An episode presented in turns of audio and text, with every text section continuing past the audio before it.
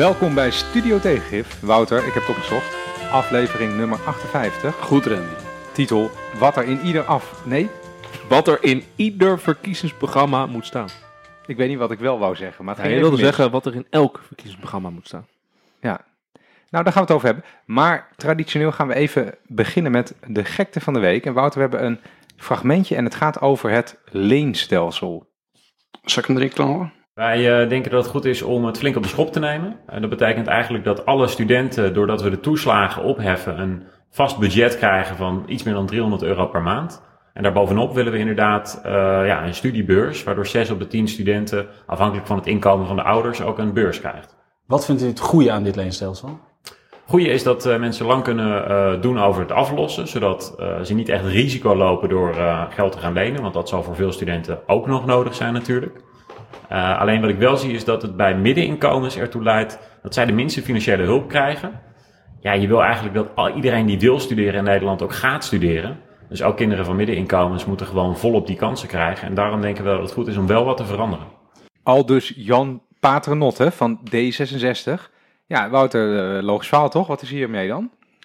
Eh, nou, wat ik, wat ik het interessant vond, waarom dit misschien wel gekte is, is dat D66 hier best een eh, sympathiek verhaal lijkt te hebben, of eh, meneer Paternotte, maar dat er een beetje de assumptie onder ligt dat mensen niet weten wie de minister van Onderwijs is. Dat de D66 denkt, joh, hè, dat, dat weten de gemiddelde kiezer lekker toch niet. Ehm, want voor de mensen die een beetje opletten, eh, de afgelopen vier jaar is eh, D66 de partij geweest die eh, als zichzelf profilerende onderwijspartij de minister van Onderwijs mocht leveren.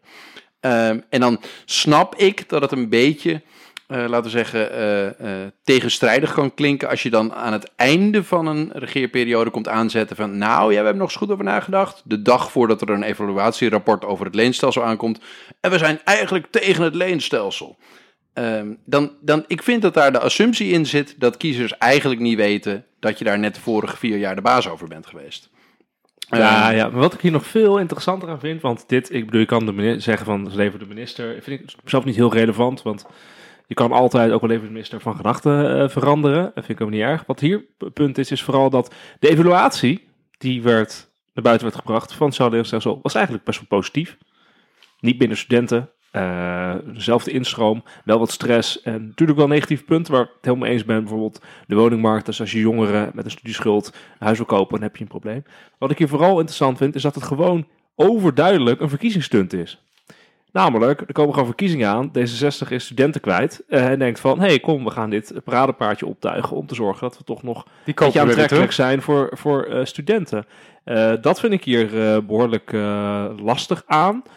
Ehm, tweede punt wat ik hier interessant aan vind, is dat ik denk van ja, volgens mij laat dit ook zien dat, we hebben het wel eens gehad over ambtelijke menukaarten en eh, jouw uh, aversie tegen, ik wijs naar Randy. Ik dacht, ik dacht dat, Kijk, ik dacht dat, ja, ik wijs naar Randy, Ik- die kijkt naar buiten. ik dacht dat jij uit het raam wees. Ja, ik denk, wij- je kan niet recht wijzen, joh. Je wees straal langs me heen. Sorry. Eh, de, de, Ik dacht, er staat iemand achter me. Maar in ieder geval, jouw aversie te- tegen technocraten en de ambtelijke menukaarten, denk ik. Er zijn dus nu drie partijen die bij hun volle verstand, zou je zeggen, in 2012, D66, GroenLinks, eh, Partij van de Arbeid hebben gezegd, wij willen een sociaal leenstelsel, stond in die mooie kaarten. En nu, eh, acht jaar later, na invoering, eh, ze eigenlijk zeggen, nou, wat er nu voor uitkomsten uitkwamen, dat hadden we niet verwacht.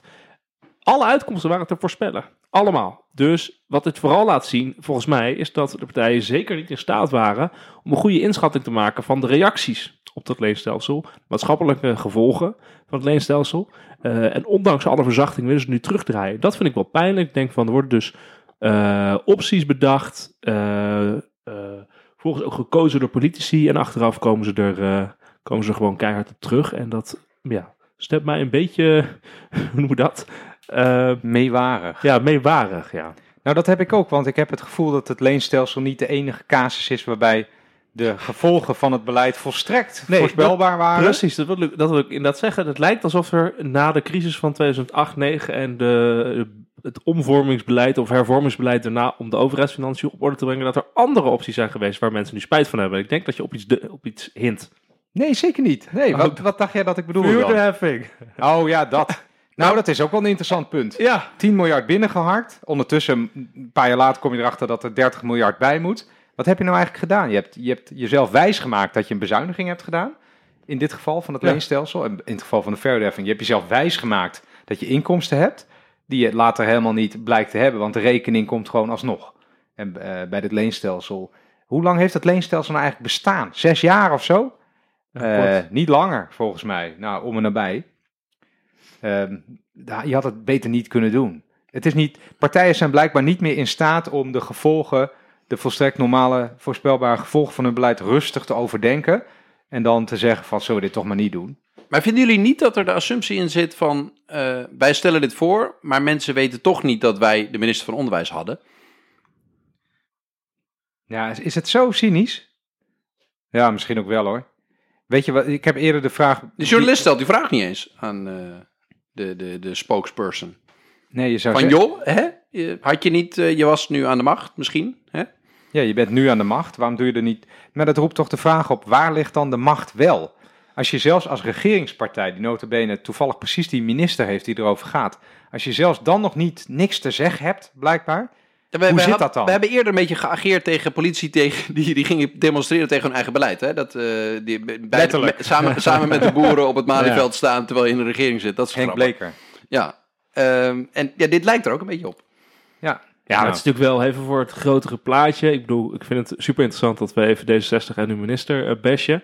Maar als je kijkt naar GroenLinks, is ook gedraaid. Terwijl GroenLinks de afgelopen eh, jaren altijd gezegd, we steunen dit. eh, onder Klaver ingevoerd. eh Zini deel is met pek en veren eruit gezet. Onder andere omdat hij eh Ziguur tegen ageerde. Tegen het sociaal leenstelsel en de gevolgen daarvan. Nou ja, En niet onder andere, GroenLinks. daar ging het gewoon over. Ja, nou, maar ook andere zaken. Maar in ieder geval, hij verdient in ieder geval hier op dit gebied inhoudelijk denk ik wel wat eerherstel. En bij de Partij van de Arbeid is natuurlijk ook een eh, verandering geweest. Hè? Dus, je, dus de- wat ik maar vooral denk is van, hey, hoe kan het dat links-progressieve partijen, als ik maar zo noem, D66, GroenLinks, PvdA, in een tijd van eh, crisis, als er wordt gezegd, de overheidsfinanciën moeten op orde, en er ligt zo'n idee van sociaal leenstelsel jaren op de plank, dat ze er toch maar hiervoor gaan. En achteraf denken, best wel snel al, joh, we hebben er spijt van. Dus bij de verhuurderheffing ook. Dat laat mij vooral zien dat je dus niet in staat bent om wat verder vooruit te kijken als, als politieke partijen. Dat vind ik wel pijnlijk. Het doet mij denken aan, het een beetje, bijna een beetje te flauw. En misschien moet Wouter er even een fragmentje in knippen in de montage laat. Ken je de film Anchorman? Een hilarische, Ja, hilarische en nogal debiele komedie. Op een gegeven moment springt er dan iemand in een dierentuin, heb je een scène, springt in een eh, kuil waar de beren in zitten om eh, iemand te redden of zo, weet ik veel. En dan springt hij erin en dan, sta, dan komt er onmiddellijk een beer op hem af die dan enorm brult. En dan zegt hij, I immediately regret this decision.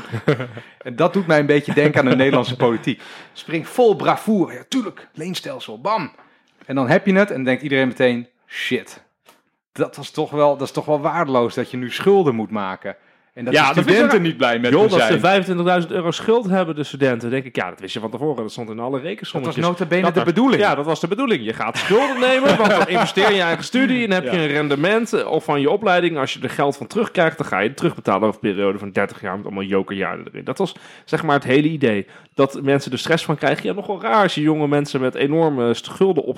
Als je 25.000 euro aan je broek krijgt terwijl je 22 jaar bent, dan snap ik best dat je wat stress gaat gebeuren. En je snapt ook best als je dit aan mensen geeft, dat ze dan wat problemen op de woningmarkt krijgen. Het zijn geen dingen die je van tevoren niet zien aankomen. Dus ik zit dan toch te bedenken, eh, misschien Maar- is het toch wel gewoon een, een, een politieke move in de zin van, we willen eh, eh, toch nog even richting de ik studenten denk zo'n gewoon jaar weer- voor de nee. verkiezingen. Stelling van Welling. Het is gewoon weer incompetentie, toeval en chaos. Dit- Ik denk Ja, dat dit is geen toeval.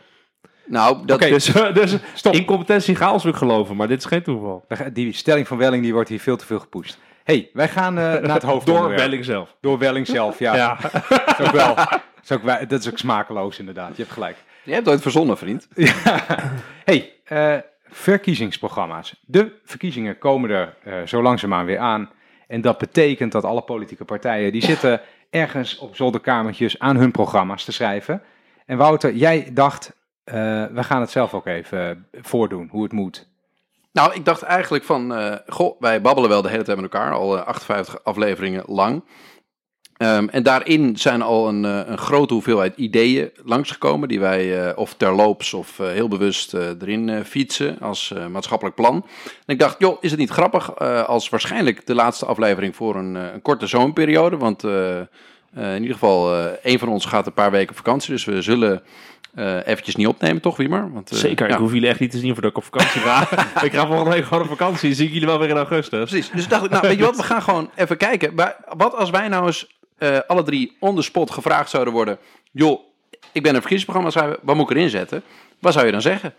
Eh, dat leek me wel een lekker eh, onderwerpje. Denk je niet, Randy? Ja, nee, ik vind het ook. En ehm, de neiging is dan natuurlijk om, hoe zeg je dat? We kunnen wat heel zo bij de hand blijven doen. lollige punten erin te doen. Ik heb hier gewoon heel serieus over nagedacht. eh. Nou, dan mag jij beginnen, Randy. Ja? Nou, ehm, Stel, hè, stel zit... dat de absolute macht mij in de schoot zou vallen. Wat zou ik dan toch doen? We hebben het heel veel gehad al over de publieke sector en zo.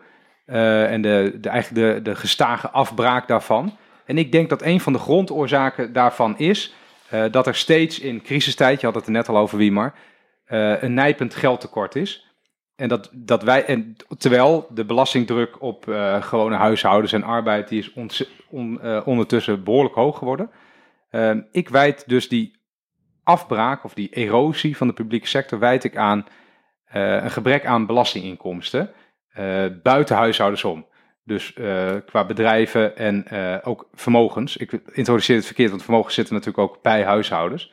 Want de Belastingdienst of het ministerie van Financiën heeft ook recent een rapport uitgebracht. Bouwsteen voor een beter belastingstelsel heet dat geloof ik. Jij weet dat soort dingen altijd precies wie maar. Het klopt wat je zegt. En daar stond een, eh, dankjewel. En daar stond een, een eh, rapport uitgebracht. daar stond een grafiek eh, in eh, die, nieuw, die nieuws bevatte, namelijk dat eh, de rijkste 1% had honderden miljard, 200 miljard of zoiets, vermogen meer dan we al dachten.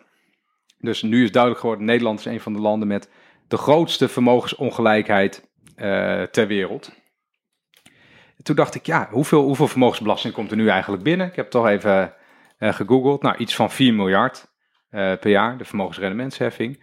Eh, op een totale belastinginkomsten van eh 3,5, en, eh 305 miljard euro. Dat is iets meer dan een procent dus. Als je dat even zo in je hoofd uitrekent. Dat is, dat is te weinig, denk ik. Ik denk dat je echt een deel van de belastingdruk moet verschuiven naar die, een, naar die gigavermogens die zijn, Ja. aan het ontstaan zijn. ik Ehm, denk dat je, eh, mag ik hem eh, aanvullen? Want ik had een beetje hetzelfde. Dus ik denk, Oh. we kunnen elkaar aanvullen voordat ik straks... Ja, tuurlijk. Ik denk dat het risico gaat bestaan dat we het vaker eens zijn. Dat is geen risico. Dat eh, betekent dat het, dat het goed doordacht is en klopt. Eh, maar klopt, ik zat dus ook te bedenken van ja, in box 3, daar heb je het dan over, met gewoon spaarvermogen. En er is ook tweede huizen in. Spaarvermogen gewoon boven een ton of zo, 100.000. Dat moet gewoon flink fors meer belast gaan worden. Gewoon echt op, paar procenten erbovenop. Eh want dat zijn, dat zijn vermogens die je volgens mij mag, eh, waar je gewoon echt belasting op kan heffen. Dus het kan fors omhoog. Bijna Piketty-achtig, maar ik denk dat het kan. Tweede wat ik dacht, ja, in dat- in die box 3 zit ook het tweede huis. Hè. Als je een tweede huis hebt, eh, dan mag je geen hypotheekrenteaftrek meer. Dan gaat die in box 1, maar gaat die in box 3. Denk ik, als je een tweede huis hebt, dan kan je ook toch flink extra belasting over betalen. Waarvoor behandel je dat niet apart in box 3? Van een eigen huis gaat een hoger tarief Het overheen. eerste huis eh, zit niet bij je vermogen. Ja. En het tweede huis wel. Zeg Ja, jij. overigens zou ik zeggen dat je het eerste huis op een of andere manier ook in box 3 moet gaan zeggen. Maar het klopt. Ik zou het tweede huis dus eh voor zwaarder belasten. Dus ook als een apart onderdeel zien. Als jij een tweede huis wil kopen, ja, dan ga je er gewoon flink belasting op aan. Zeker in tijden van woningnood. Waarom zou je in hemelsnaam in Nederland nu twee huizen mogen hebben... en dat de tweede gewoon als normaal vermogen wordt eh, behandeld? Vind ik heel raar. Ehm, dus dat zou ik doen. Dus inderdaad, grond, huizen. Maar waar jij het over had, over die 200 miljard extra... dat ging dus over de box 2, over de directeur, groot aandeelhouders. Dus Ja, mensen met die een BV'tje. nog wat geld in hun Die potjes te bleken hebben. niet 190 miljard te hebben, maar de volgende schatting was, en dat was nog conservatief, dat ze 200 miljard meer hadden. Dus van 190 miljard naar Dat, 390 dat, miljard. mensen bevatten dit niet. Mensen het bevatten is zo niet, dat is gewoon godschuwelijk veel. ongeveer de helft van het Nederlands BBP, een kwart van het Nederlands BBP erbij. En ze zijn allemaal berekeningen dat vermogensongelijkheid in Nederland daardoor, want het is de rijkste 1 of 0,1 procent, dat die dus eh, fors hoger is. Dat betekent dat je die BV'tjes ook echt moet gaan belasten. Het eerste wat er moet gebeuren, want dat is heel raar, als jij dus een BV hebt en je bent dus een directeur groot aandeelhouder, dan moet je zelf een gebruikelijk loon uitkeren. De gebruikelijk loon is dus, dan moet je refereren aan de rest in jouw sector, dan moet je het gebruikelijke, dan heb ik een gemiddelde loon. Wat er dan staat, is dat je 75% van het gebruikelijk loon in je sector uitgekeerd krijgen. Dat vind ik heel raar. waarom niet waarom, 100? Waarom niet 100%? Ja, waarom niet gewoon Dat- 100%? Dus je moet gewoon 100% van het gebruikersloon uitgekeerd krijgen. Want dan betaal je dan gewoon in box 1 echt belasting over. Dat is de We gaan nu wel heel gebeuren. diep de techniek Zeker, in trouwens, maar dat hoor. moet wel gebeuren. Dus DGA's betaal, be- behandel je gewoon fiscaal alsof ze in de sector werken. Directeur groot aandeelhouders. ja, directeur grote Met aandeelhouders. je afkortingen. En het volgende wat moet gebeuren is dat je gewoon gaat heffen op het stilstaand vermogen wat in BV zit. Dus op het moment dat, daar moet gewoon een rendementsheffing overheen. Hè? Van, eh, als je het niet uitkeert en het zit in je BV, dan wordt er toch wat afgeroomd. Ja. Eh, en het derde, we het eerder over gehad, al die leenconstructies vanuit je eigen BV Ja. naar jezelf, dat moet je ook Dat moet je gewoon verbieden. Hey, Randy, ik wil even een kritische vraag stellen over jullie eh, verkiezingsprogramma Punt, als het mag. Ehm, Nee, toch? eh, nee ja? dat is gewoon heel goed. Dus ik weet niet Ja, waarom je kritische oh, vragen moet stellen. Nee. Wat, wat, wat mensen altijd tegen inbrengen is tegen dit soort eh, plannen voor, voor belastingen meer richting vermogen en minder op arbeid, is dat arbeid vrij makkelijk te belasten is en dat vermogen of kapitaal mobiel is. En dat eh, die constructies die we net al noemden, van je kunt een BV eh, beginnen en je dan zelf uit je BV geld lenen en dat niet als inkomen op de balans zetten en vervolgens de lening na een paar jaar kwijtschelden. Dat soort grappen om gewoon inkomen te vergaren. Ehm, daar zijn vast nog veel betere trucs voor. Ik ben geen accountant. Ehm, maar dat het altijd heel moeilijk is om vermogen te achterhalen. Dat als ik een tweede huis heb, Nee, dat ik ook een, een, Nee, een, bedrijf kan openen. en het, alles wat gewoon stilstaat en dus niet mobiel is, dus grond, huizen, een BV'tje Dat in weet je Nederland, gewoon. dat weet je en dat gaat ook nergens heen. En ook Hè? dat geld in die BV's Ja. staat ook op je de hebt toch mensen die hebben honderden BV's. Je hebt holdings die, die, die 20 BV's Nee, hebben, die weer nog... Weet je, hier wil ik het niet eens over hebben. Oké. Want dit is wat er altijd gebeurt als het over fiscaliteit gaat. Dan komt er meestal een soort een leger aan fiscalisten die allemaal dubbele petten op hebben. En die zeggen, oh, oh, oh, wat is dit toch ingewikkeld wat jij wil. Dat kan helemaal niet. Ja, ik probeerde die even te doen. Ja, nee, maar dat, dat pik ik niet. Eh, dat moet gewoon gebeuren. Dat gaat gewoon gebeuren nu. Eh, want tuurlijk, waarom zouden we dat niet kunnen? Wat een onzin. We kunnen heel precies allerlei stroompjes eh, belasten en controleren. En als je in de bijstand zit, dan word je tot op het eurotje gecontroleerd. Maar die, die 200 miljard, daar kunnen we maar geen grip op krijgen. Daar geloof ik dus geen reet van. Je we willen het niet, zeg je eigenlijk. Nee, de, het is een gebrek aan politieke wil. En wat ik, ik dacht namelijk dat je wat anders zou zeggen. Want Ga je nu je eigen bezwaar inbrengen? Nee, nee, nee, want daar wil ik nog een punt over maken. Ik, toen ik hier ook over na denken was, ik heb nog wat andere punten. Je, er is te heel lang is er in Nederland zoiets geweest. Links is natuurlijk ook een wegkwijnend hè, politiek stromingje. Dat als je dan met, met eh, dit is een klassiek linkspunt. Hè, Als Die is voor jou trouwens. Zo'n klassiek linkspunt maakt, dan eh, word je vaak een beetje weggezet van, oh, oh, oh, wat ben jij toch economisch onverantwoord bezig. Dat je dit durft te zeggen. En je, je hebt helemaal zo'n, je moet je er bijna overheen zetten dat je, dat je niet heel apologetisch gaat eh, verdedigen van, oh ja, nee, natuurlijk hebben die mensen er hard voor gewerkt. Eh, volgens mij moet je veel meer, ik had hem ook bij mezelf gerubriceerd onder het kopje gelijkheid. Volgens mij moet je ook zeggen, we vinden ook dat een samenleving egalitair van aard moet zijn. En daar hoort uiteindelijk ook bij dat niet, eh, de- weet ik veel, 50% van het vermogen bij de rijkste 1% zit. Dat hoort daar niet bij. Ook al heb je dat hè, mooi verdiend in je BV, dat moet toch een beetje ehm, verspreid worden voor het algemene nut. Eh, daar hoef je je ook niet voor te schamen. En dat, ik zeg het ook van, jij, jij, jij zegt meteen van, Randy, stel je niet zo aan. Maar ik lees dat toch ook altijd wel een beetje in linkse verkiezingsprogramma's. Dat je niet ronduit durft te zeggen, eh, ik ben voor gelijkheid. Punt. Eh, en daarom heb ik Ja. deze maatregelen. Vind ik ook. Er wordt vaak gezegd van, ik, eh, ik heb hier weliswaar een maatregel die, die, hè, die, de, die de ongelijkheid eh, verkleint, maar ik geloof dat dat goed is voor de economische groei. Dat geloof ik ook wel, maar dat is in de kern niet de reden eh, waarom je het doet. Het is veel breder dan dat.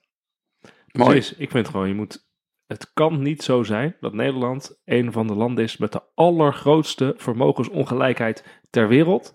En dat we dan naar staan te kijken en niks doen, omdat er een paar verdwaalde fiscalisten roepen, oeh, kapitaal is zo mobiel. Onzin. Onzin. Een groot gedeelte hiervan kan je gewoon belasten. Het staat hartstikke stil. Je kan het opsporen. Je kan er systemen voor maken. En zelfs al gaat er 10% eh, ervan weg, dan heb je de 90% wel belast. En je moet het gewoon doen. Waarom? Omdat er het onhoudbaar is, letterlijk onhoudbaar, dat er zo een ongelijkheid is in je land. En dat vervolgens eh, je dus alle mensen die gewoon aan het werk zijn als werknemer bij een bedrijf, dat je die ongeveer bijna wegbelast. Die betalen zich helemaal Die schil. betalen zich helemaal schil. Dat is Die ongeveer het enige waar denk ik bijvoorbeeld de VVD echt spijt van heeft van het afgelopen crisisbeleid. Dat doordat je bedrijven uit de, eh, uit de wind probeert te houden, al deze box 2 types uit de wind probeert te houden, eh, box 3, alle vermogens uit de wind pro- probeert te houden, is het gevolg dat je de normale werkende man extra Ja, belasting je moet die belasting op betalen. arbeid wel En omhoog die doen. is dus hier ook fors, fors gestegen in Nederland. Het heeft gewoon te maken door een, ja, een, gewoon een weigering om eh, kapitaal en, eh, en eh, milieuvervuiling meer te belasten. Dus wil het verkiezingsprogramma afgemaakt. Ja. Ja. Jij, volgens mij ben jij aan de beurt, eh, Wouter. Laten we gewoon een Ja. rondje doen. Ja, ik dacht ik doe een niet-economisch ding sowieso. Want jullie gaan waarschijnlijk alleen maar dingen zeggen over eh, belastinginkomsten en economische maatregelen. Procentje hier, eh, procentje daar. Nee, niet Ehm, procentje, procenten. hè? Procenten. Veel. Ehm, nou, het, het is wel iets wat financieel begint. Ik ben voor een grootschalige versimpeling van alle financiële regelingen en eh, eh, stelsels waar je als burger aanspraak op kunt maken bij de overheid. Ehm, ik denk namelijk dat vertrouwen in de overheid, of in, überhaupt in onze, in onze rechtsstaat als geheel, eh, gedeeltelijk gebaseerd is op de wijze waarop jij contact hebt met de overheid. En als dat contact op een manier is die jij niet begrijpt, die te complex is, waar het gevoel hebt dat de boel tegen jou is, ik denk dat dat dan een soort van multiplier is van wantrouwen ten opzichte van diezelfde overheid. En het mooiste Eh, voorbeeld. Je moet even, ja, een voorbeeld. Want, eh, ja, precies. Want ik was net een iets te specifiek, maar ik vond dit zo globaal. En Ja, het ik gaat nog even moeten, moeten even beter helpen. Wat zijn de financiële regelingen? en Zo, help even de luisteren. Over luisteren. Oké, eh, nou ja, we kennen nu het, het toeslagenstelsel. En je hebt die toeslagenaffaire gehad, waarbij daar worden mensen gepakt. Maar ik denk zelfs dat het ook gaat om überhaupt hoe toeslagen werken. Zorgtoeslag, huurtoeslag, kinderopvangtoeslag. Het, en überhaupt, je, je moet er melden bij het UWV wanneer je je baan verdeelt. De, de WW is een super complexe regeling. Ehm, we hebben in, in het Nederlandse ondersteuningsstelsel van mensen die ergens recht op hebben, hebben we een ontzettend complexe regeling gemaakt. Het zijn altijd om een groepje weer blij te houden en dan hebben we een regeling verzonnen, maken we het nog zo. Wat, wat ik denk hoe je dit makkelijker kunt maken is door het grootste gedeelte van die toeslagen direct af te schaffen. Kinderopvang maak je gratis. Zorgtoeslag direct naar de verzekeraar. Ehm, eh, huurtoeslag direct naar de corporatie, anders niet. Eigen bij- bijdrage maak je inkomensafhankelijk in de zorg. Ehm hypotheekrente schaf je af, heb je ook geen complexiteit meer. En wat er eigenlijk op uit wou komen is, ik zou willen één overzicht in en uit bij de overheid. Dus ik wil eigenlijk gewoon ergens op een website kunnen zien, eh, of ja, in ieder geval, het, zal online zijn, we een app, maar maar niet zoveel uit. Een, een functie zie ik voor me, waarbij ik als burger kan zien, joh, dit is wat ik in dit jaar zou moeten betalen. Dit is wat ik ga krijgen. En ik kan het ook per, per maand voor mezelf zien. Ik, het- de overheid biedt mij gemak. Ehm, de overheid biedt mij niet uren dwalen rondom mijntoeslagen.nl om te zien wat voor kinderopvangtoeslag ik precies kan hebben als ik... Doe jij dat? eh, Maar, ja, maar- even, ik mag je complimenten geven voor dit enorm economische punt wat je toch aandraagt. dit is natuurlijk gewoon hartstikke economisch wat je Ja, zegt. uiteindelijk wil ik gewoon naar een mooie zelfs het website. verlagen van transactiekosten en het Ik- verbeteren van de ja. transparantie en Ik informatievoorziening. hoorde ook vooral een ICT-punt. Ik, ja, zag en, ook- en ICT. ik zat ook al te watertanden van die mooie Ja, websites. jullie hoeven dat niet te doen, want jullie hebben, Zeker. jullie hebben allemaal een mooie baan en eh, een simpele positie. Maar eh, als je in de penarie komt in dit land en je moet met allerlei moeilijke regelingen eh, moet je uitvinden waar je precies recht op hebt, dan is het niet iets wat automatisch bij jou komt. Nee, je moet daar je recht gaan halen. Nee, Ja, dat Dat vind ik- ik, ik ben het helemaal met je eens. ik niet je hebt helemaal gelijk. Je hebt, je hebt helemaal gelijk, want jij noemde ook net de huurtoeslag. En dan moet ik bekennen dat ik werk dus hè, in het wonen. Dat krijg je niet, hè? Eh, ik huur ook niet, dan krijg je het helemaal Nee, niet. ja. Maar binnen de huurtoeslag heb je dan de eerste aftoppingsgrens, de tweede aftoppingsgrens, de kwaliteitskortingsgrens. En ik moet altijd, als Ga ik dat het maar erover heb, dan ga ik eerst, nou, ga uitleggen, dan moet ik altijd eerst even googlen hoe het ook alweer precies zat. Want het is, het is allemaal zo complex. Er zijn echt maar weinig mensen in Nederland die gewoon op, ook op hoofdlijnen goed weten hoe die dingen precies in elkaar zitten. Eh, dus als burger, en dan heb je het ook over democratie, weet je ook helemaal op een gegeven moment niet goed meer hoe je moet stemmen. Want je weet helemaal niet meer waar je het over hebt. Want je kijkt naar een soort ondoordringbaar zwart woud van technocratie eh, voor je. En uiteindelijk gaat dat, Ja. eh, gaat dat ook de politiek erom. Ah, Wat hou je in je zak aan het einde van precies. de maand? Maar kijk, en het lastige is natuurlijk dat deze hele onduidelijkheid over toeslagen, financiële regelingen, dat je zelf je recht moet houden en dat op het moment dat het fout gaat, die snapt al die ja, aftoppingsgrenzen dan word je niet. kapot gemaakt. Dan word je kapot gemaakt. gaat, terwijl ja. op het moment wat net over DGA's, terwijl je als DGA de, de, de regelgeving een beetje onduidelijk is en doet dan je best om het voor jezelf positief uit te leggen. gaan er honderd rode je, voor je je, uit. Dan ben je, eh, hoe noem je dat? Eh, belasting eh, ontwijken. Doe dat dan slim, zeg maar. Hè? Dan ben je slimme Goed fiscalist. gedaan. De goed gedaan. Ja, dan Eh, krijg je nog net geen lintje. Ja, hè? dus je hebt goed je hebt de belasting ontweken. Hè? Dat, dat is natuurlijk ook de narigheid die hierin zit. En Ja, maar ik, ik vind vooral het argument van het, het, het vertrouwen het belangrijkste. Ja. Dat je dus zorgt dat mensen niet... Dat een, een simpele overheid, dat, daar zit denk ik een hele grote waarde in. Dat dus het punt dat jij contact met de overheid hebt... dat je daar niet het gevoel hebt dat het moeilijker is dan jij eigenlijk baas kan. Dat het je boven de pet gaat. En ik denk ook niet dat het... Dat, ik ben niet voor ontzettend veel regelingen of min, weinig regelingen. Ik denk gewoon, maak het simpel. En er zit gewoon een, een... Dat is een soort plicht die je moet hebben als Mag overheid. ik daar één ding ook over Ja. zeggen? Weet je wat ik altijd zo vreemd vind? Dat als je een gemiddeld centrum van een stadje, stad, dorp inloopt, dan zie je al wel tien van die, van die telefoonwinkeltjes van T-Mobile en zo. Dus als jij een vraag hebt over je telefoonabonnement, dan kan je naar een winkeltje toe en dan is dan een mannetje en die legt jou het dan uit. En die doet het even voor je. Maar als jij een vraag hebt over hoe het, hoe het zit met eh, al die, al die tienduizenden euro's belasting die je per jaar betaalt, dan moet je naar een of andere ondoorzichtige website. En dan word je behandeld als een halve crimineel. En als je dan één foutje maakt, dan word je helemaal kapot gemaakt. Waarom heeft de overheid niet loketjes waar je heen kan om gewoon je vraag te stellen? die hebben wel het gemeentehuis. Nee, maar die, daar kan je niet eh, je, eh, over de, je rijksbelasting. Ja, dat vind ik debiel. wat vragen. Ja, je hebt wel belastingkantoren. hè, Je, nee, je moet, nee, je moet ook gewoon één loket hebben. Ja.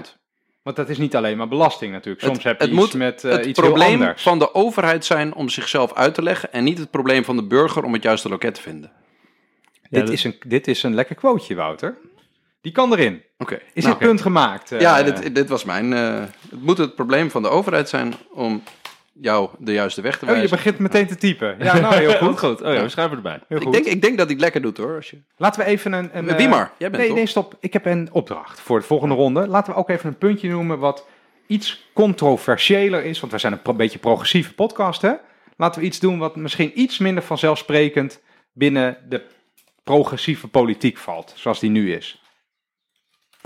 Zal ik gewoon eh, hele kleine dingetjes noemen? Ja, een klein, niet? klein Ja. bier, maar gewoon dingetjes die ik leuk vind, waarvan ik wel vind dat het moet. Eén, ik vind dus dat Eén, er... hoeveel, hoeveel, hoeveel ga je noemen nu? Ik ga er drie noemen. Eén, er moet statiegeld komen voor alle petflesjes. Dus die kleine halve, het is het, 100, 200 centiliter voor zit er in zo'n flesje. Ja, gewoon meteen Die kleine doen. flesjes, hop, eh statiegeld erop. Er wordt over nagedacht, moet erop. Moet Ja. ook op blikjes. Alle blikjes moet statiegeld op. Gewoon doen, willen, ja. Gewoon doen. Het derde Mooi. punt, we moeten boetes inkomensafhankelijk maken. Het kan ook in Scandinavische landen, verkeersboetes. Is het zo? Moet gewoon. Moet inkomensafhankelijk. dat, Waarom? Dat is zo, Is het zo dat we in Nederland, ik zie het, ik bedoel, ik, ik vind het gewoon bijzonder dat we in Nederland verkeersboetes hebben van we weten dat iedereen die in een Audi rijdt, dat het bij hen geen pijn doet. Hè? Dus die kunnen gewoon 160 rijden en ze krijgen de boete. Denk ik, ja, het meeste pijn Hè? doet En- dat ze, en- dus, die, dat ze het moeten overmaken. Dat Ja, ze oh, dat vertelde jij het laatst, hè? En dat dat, zal, dat, er dus boet, dat er dus rechtszaken gevoerd worden over de discussie eh, dat eh, je dus je boete handmatig moet overmaken. Je Oh, en dat het niet gewoon je automatisch Dat het niet afgeschreven wordt. afgeschreven wordt. Overigens, is dat, dat zou wel gemak betekenen vanuit de overheid. Dus je zou ervoor moeten zijn, Bout. Dat is een grapje, hè? Letters vorige punt. Maar dit is dus om een prikkel te hebben dat het in ieder geval nog een beetje vervelend is om je 200 euro snelheidsboete Nee, over te maken. ik zei niet dat er rechtszaak, maar er zijn bij, eh, bij de CEB zijn Ja. er ehm, ontzettend veel mensen die vragen van, kunnen jullie de, de, de boetes gewoon automatisch van mij afschrijven? Dan kan ik gewoon eh, Ja. in mijn in mijn Range Rover automa- te hard rijden wanneer ik precies. wil. En dan schrijven jullie het automatisch af. Ja. En dat mag dus niet, omdat er een prikkel moet zijn dat jij het een beetje vervelend vindt als zo'n boete. Ja, nou, die prikkel die is heel terecht, maar die kun je dus veel beter maken door gewoon eh, wat verschillende tarieven te hebben. Dus als jij een miljoen per jaar verdient, dan krijg je een boete van 1000 euro. Precies, en het kan in andere landen wel. Dus als je politieke wil hebt, kan het hier ook. Maar wil je echt dat als, als ik door rood rij en als iemand die in de bij staat, het stond door rood rij, dat ik eh, drie keer zoveel boete betaal? Nee, gewoon even om te Ja, testen. wel in ieder geval dat er, een, dat er een verschil in zit. Ja. Kijk, de boete heeft vrij zin als geen pijn in het doet. Hè? Wat, we- Ja. Waarvoor zou je een boete doen die je gewoon lachend betaalt? Dat heeft eigenlijk geen enkele zin. Dat Nee, is raar. Je je- wil toch gedrag wil je ontmoedigen. Daarom Dus heb je geen boetes van een euro. Nee, Dan dus denkt het- iedereen, nou prima, Dat dan is heel op raar. En, en we hebben trouwens in crisistijd, als er dan de overheidsfinanciën op orde moeten worden gebracht, dan gaan we al die boetes vet verhogen. Ja, dat komt maar bij de groep terecht die, die voor wie het relatief veel geld het relatief veel geld kost. Eh, dus er had statiegeld op Ik vind, dat petflessen. best... eh, Statiegeld op blikjes. We hadden inkomensafhankelijke verkeersboetes, laten we verkeersboetes noemen. Maar een andere, eh, die dus we gaan wel aan het terrein op, maar misschien leuk om over te praten. Ik ben dus een heel groot voorstander van een suikerbelasting. Ik vind dus dat, er, eh, dat we in Nederland veel te gemakkelijk omgaan met het enorm slechte voedsel wat hier in eh, supermarkten eh, en ook online gewoon verkocht wordt. waarvan je denkt van, ja, we zouden eigenlijk gewoon de suikerwaardes echt omlaag moeten brengen. Dus niet dat je daar heel veel van merkt als je het eet, maar het levert wel qua gezondheid heel veel extra op. Vooral bij de lage sociaal-economische status. Maar Groepen? suiker is maar één van de vele, vele Ja, dingen dus die ongezond andere is. voorstel zou zijn om de zoutwaarde in eh, voedsel, dus vooral in al die opwarmmaaltijden die er zijn, die moeten vet gemaximeerd worden. Dus eh, naar beneden. Die moeten vet gemaximeerd vet worden. naar beneden gemaximeerd worden. Want wij stoppen in Nederland, dus, die, eh, dus hebben we nu, vind ik, te ruime normen. Ehm, en je kan daar als Nederland echt een stap in zetten door die normen te verlagen. Dus kijk, Unilever is nu toch al vertrokken. dus ik vind dat we nu ook kunnen zeggen, we gaan dit gewoon eh, ook doen. Wat zeg jij tegen de Eh, liberaal die zegt, eh, hoezo gaat de overheid zich nog meer bezighouden met wat er op mijn bord ligt? Waarom willen jullie bepalen wat ik allemaal naar binnen stop? Willen ze dat pretje ook nog van mij afpakken? Nou, kijk, ik, eh, iedereen heeft de vrijheid om te kiezen wat hij eet wel of niet. Maar op het moment dat je eigenlijk niet goed weet wat je eet, je eigenlijk niet goed weet wat de consequenties zijn voor je gezondheid van, van het voedsel wat je aangeboden krijgt. Omdat ongezond dan vind ik goedkoop dat is. de overheid, dat het gewoon ongezond is. Dus de overheid moet kappen met al die vervelende, eh, dit is goed voor je eten of niet, eh, stickertjes en, en, en keurmerken die niemand kijkt. Dus je Oh, moet die- gewoon hop. Dat vrijheid-blijheid argument, dat is toch zo'n onzin? Want eh, A, is het al totaal gereguleerd eh, wat er op je bord ligt. Dat is reeds al zo, dus je kan daar net zo goed nog een normpje voor eh, zout eh, aan toevoegen. Ja, Lijkt me ook zout, volstrekt suiker. normaal dat Ja. voedsel wat industrieel wordt ge, geproduceerd, dat, dat, dat toch iemand af en toe even kijkt van wat, wat hier eigenlijk massaal alle strotjes in verdwijnt. En B, jij zegt het is een pretje om heel veel zout te eten. Kijk, want de eerlijkheid is, natuurlijk, de eerlijkheid van het verhaal is natuurlijk niet dat. Eh, kijk, de enige reden waarom er zoveel de eh, industrie zoveel suiker en zout erin wil doen, is omdat dat verslavend is. Mensen willen dan meer, Mhm. willen dat product hebben. Eh, dat heeft natuurlijk niet te maken met vrije keuze of iets dergelijks. Gewoon dat er een verslavingselement aan zit. En als overheid moet je dan volgens mij optreden. Ook als liberaal moet je dan, moet je dan optreden. Ja, ik vind het ook vaak een gelegenheidsargument dat er van stal gehaald wordt om te doen alsof we nu in een soort van ongereguleerde anarchie leven. En dat jij dan met zo'n eh, zout of eh, vet of suikerbelasting eh, onze complete vrijheid even gaat indammen. Terwijl in Nederland is het al ontzettend... En ik eh, heb een enorm vertrouwen in, de, in de industrie dat als je deze normen omlaag zou zetten, dus er moet minder suiker in, er mag minder suiker, Maar minder wat zout bedoel je dan precies? Dat er innovatie komt, dat er andere dingen in de producten komen waardoor het verslavend wordt. Maar wat, wat bedoel je dan Dat precies? er komt echt wel iets anders. Ja, ja, mooi. Ja. Maar, maar wat, wat gaan we doen? Want je zegt suikerbelasting of zoutwaarde maximeren. Bedoel je suikerbelasting in de vorm van hoger BTW? Of wat gaan Ja, we doen? bijvoorbeeld. Ik weet nu niet precies de uitwerking, maar dat zou kunnen. Een hogere Ja, daar BTW erop. Of, eh, of met zout ook. Je kan het ook qua belasting doen, maar je kan het ook qua regulering doen. Ik vind in ieder geval dat je het aan moet pakken. Omdat je weet dat de pijn vooral komt bij de, bij de laagste sociaal-economische klasse. Die eh, eten en drinken meer eh, suiker. Z- Zou je niet kunnen combineren met één ding dat ik op mijn lijstje had staan? Dat is ehm, belasting op gezonde voeding, groente en fruit, BTW afschaffen. Daar ben ik sowieso voor. Ik weet niet of de effecten heel groot zijn, maar ik vind het als signaal wel heel belangrijk dat je dat doet. Dus ik zou niet weten waarom het is. Je kan ook, eh, ja, je kan ook gewoon een schuif doen, ergens wat minder belasting, ergens wat meer belasting. Er zijn ook mensen die zeggen dat je vlees en vet, dat je daar ook een belasting op zou moeten doen. Ik merk dat ik daar een beetje, daar, dat vind ik details, eh, binnen een- die manier van denken. Dus dat je gezond eten goedkoper maakt en ongezond eten duurder. Ja, dat is de essentie. Ja, waarschijnlijk is het wel effectiever als je gezond gedrag zou willen stimuleren om, eh, om eh, ongezond eten, om dat duurder te maken. Dan eh, gezond eten Ja. goedkoper. Maar ik vind eigenlijk vooral dat alles wat je kan doen gewoon via regulering en niet zeg maar mensen pesten om gedrag. Hè, dus harde prijsprikkels om andere dingen te gaan kopen. Ik vind eigenlijk dat je, wat je regulering kan doen, moet je gewoon een regulering meteen doen. Dan moet je niet neerleggen bij Maar mensen. waar- waarom? Nou, ik vind niet. Als je gewoon tegen eh, de industrie kan zeggen: dit zijn de maximum eh, zoutwaarden of de maximum suikerwaarden of die we willen. en je zorgt gewoon dat dat dus vervolgens geproduceerd wordt, want dat is de regulering die er is. Dan vind ik dat een fijnere manier dan dat je eh, dat allemaal vrijlaat. Maar dat je dan zegt: oh ja, we gaan een er- hogere belasting invoeren voor, eh, voor eh, suiker. zout of in dat vlees zijn ook mensen die zeggen en dat dan volgens de mensen in de supermarkt die al toch al lastig vinden om Een gedrag, soort luxe ding wordt. ja, om gedrag te wijzigen, dat het inderdaad een soort luxe ding wordt. Want je weet dat eh, vera- gedragsverandering, dat zit toch het minste bij de, bij de groepen waarvan je juist wilt dat ze anders gaan eten. En die gaan het wel voelen qua prijs. weer die Mhm. laagste inkomens. Jij, jij zit te wachten om eh, dat je weer mag, toch? Nee, nee, ik zit een beetje Ja. door mijn lijstje heen te kijken van wat is nou, wat is nou leuk. Heb je nog een radicaal idee? Ik heb een aantal eh, lichtelijk radicale ideeën.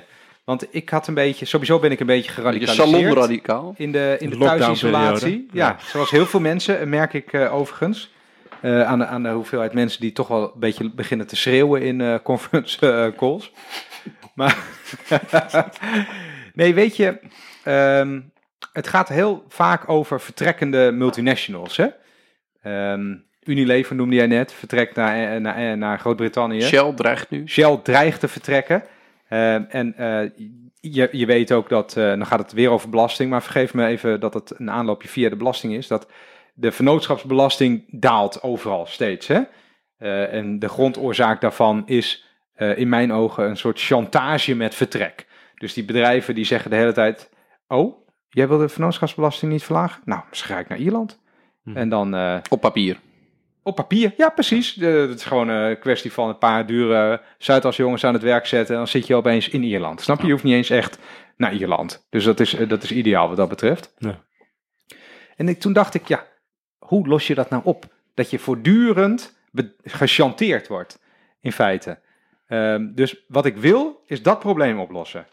En wat ik, Nou, de- ik denk dat het een million dollar eh, idee moet zijn. Nou ja, ik, ik, vond, ik, ik weet niet of dit dan eh, de manier... Ik heb twee dingen bedacht die je zou kunnen doen. Eh, de ene is dus wel qua belasting. Je kan belasting, ehm, winstbelasting innen op waar die winsten gemaakt worden.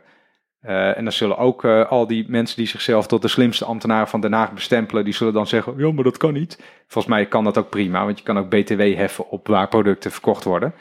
Ehm, dus eh, je zou ook prima winstbelasting kunnen heffen op waar dan die producten verkocht worden. Maar ik dacht misschien nog wel, als dat dan toch te ingewikkeld blijkt te zijn, ben ik eigenlijk geïnspireerd door Wopke Hoekstra. Dus je zou ook, eh, dacht ik vervolgens, Je zou het uitgestreken gezicht van Randy Martens moeten zien terwijl hij dat zei. slechtste minister van Financiën. Dat is een beetje een nou, eh, noem eens eentje.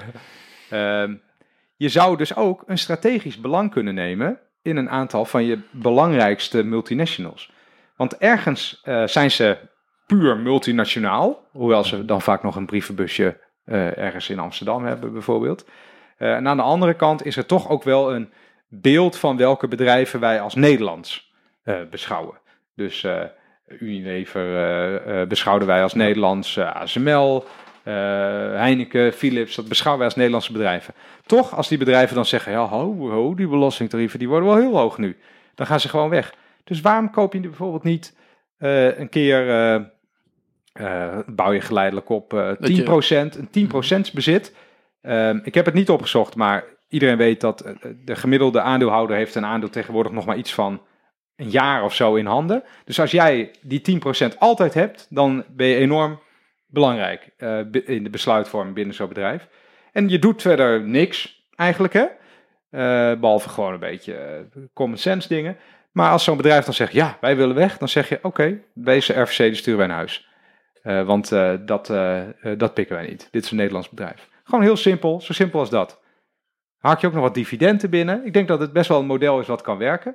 En dit, is, dit hele denken is natuurlijk heel lang haram verklaard binnen de Nederlandse economie. Of binnen het Nederlandse economische denk. Maar de Nederlandse staat heeft best wel een aantal eh, eh, aandelen. Hè? Dus ook eh, ABN AMRO hebben ze nog. Ja, daar merk je verder niks van. Dat gaat prima. Nee, wij geloven dat we zo'n bedrijf niet veel moeten beïnvloeden met eh, wat de staat of de overheid eh, vindt. Nou, dat kan. Dat kan je ook in de wet zetten. Van we, kopen die, we hebben die aandelen wel, maar we beïnvloeden dit niet, dat niet en dat niet. Wat we wel beïnvloeden is het vestigingsbeleid. Denk jij? Wiemer? Eh, ik denk dat je dan eh, na een tijdje een discussie krijgt dat je steeds meer moet gaan bijkopen. Dus als zo'n bedrijf echt denkt, ik wil weg, dan gaan ze aandelen uitgeven. Ah, eh, zodat andere partijen dat gaan opkopen. Omdat ze dan de meerderheid hebben om te gaan verhuizen. Dus, nee, Ik, denk dat de andere dat- aandeelhouders dat... ook niet fijn vinden hoor. Als er steeds ja, maar die, staan, aandelen- dan- die staan ook wel Nee, in de nee, ik heb vergadering ja, ho, ho. klopt, klopt. Ik heb er nog niet zo goed eh, over nagedacht. Het gaat wel om vele, vele miljarden die je dan... eh, Het is vergaand, maar goed, ik, ik benoemde zelf net even Ja. de categorie wat Ja, ja, meer ja, ja, ja. controversiële Ja, onderwerpen. ik vind het een goeie. Ik vind het een goeie. Ik vind het een goeie. In ieder geval de manier van denken. Ik had dit dan, ik had een soort, eh, ik had het categorietjes gemaakt.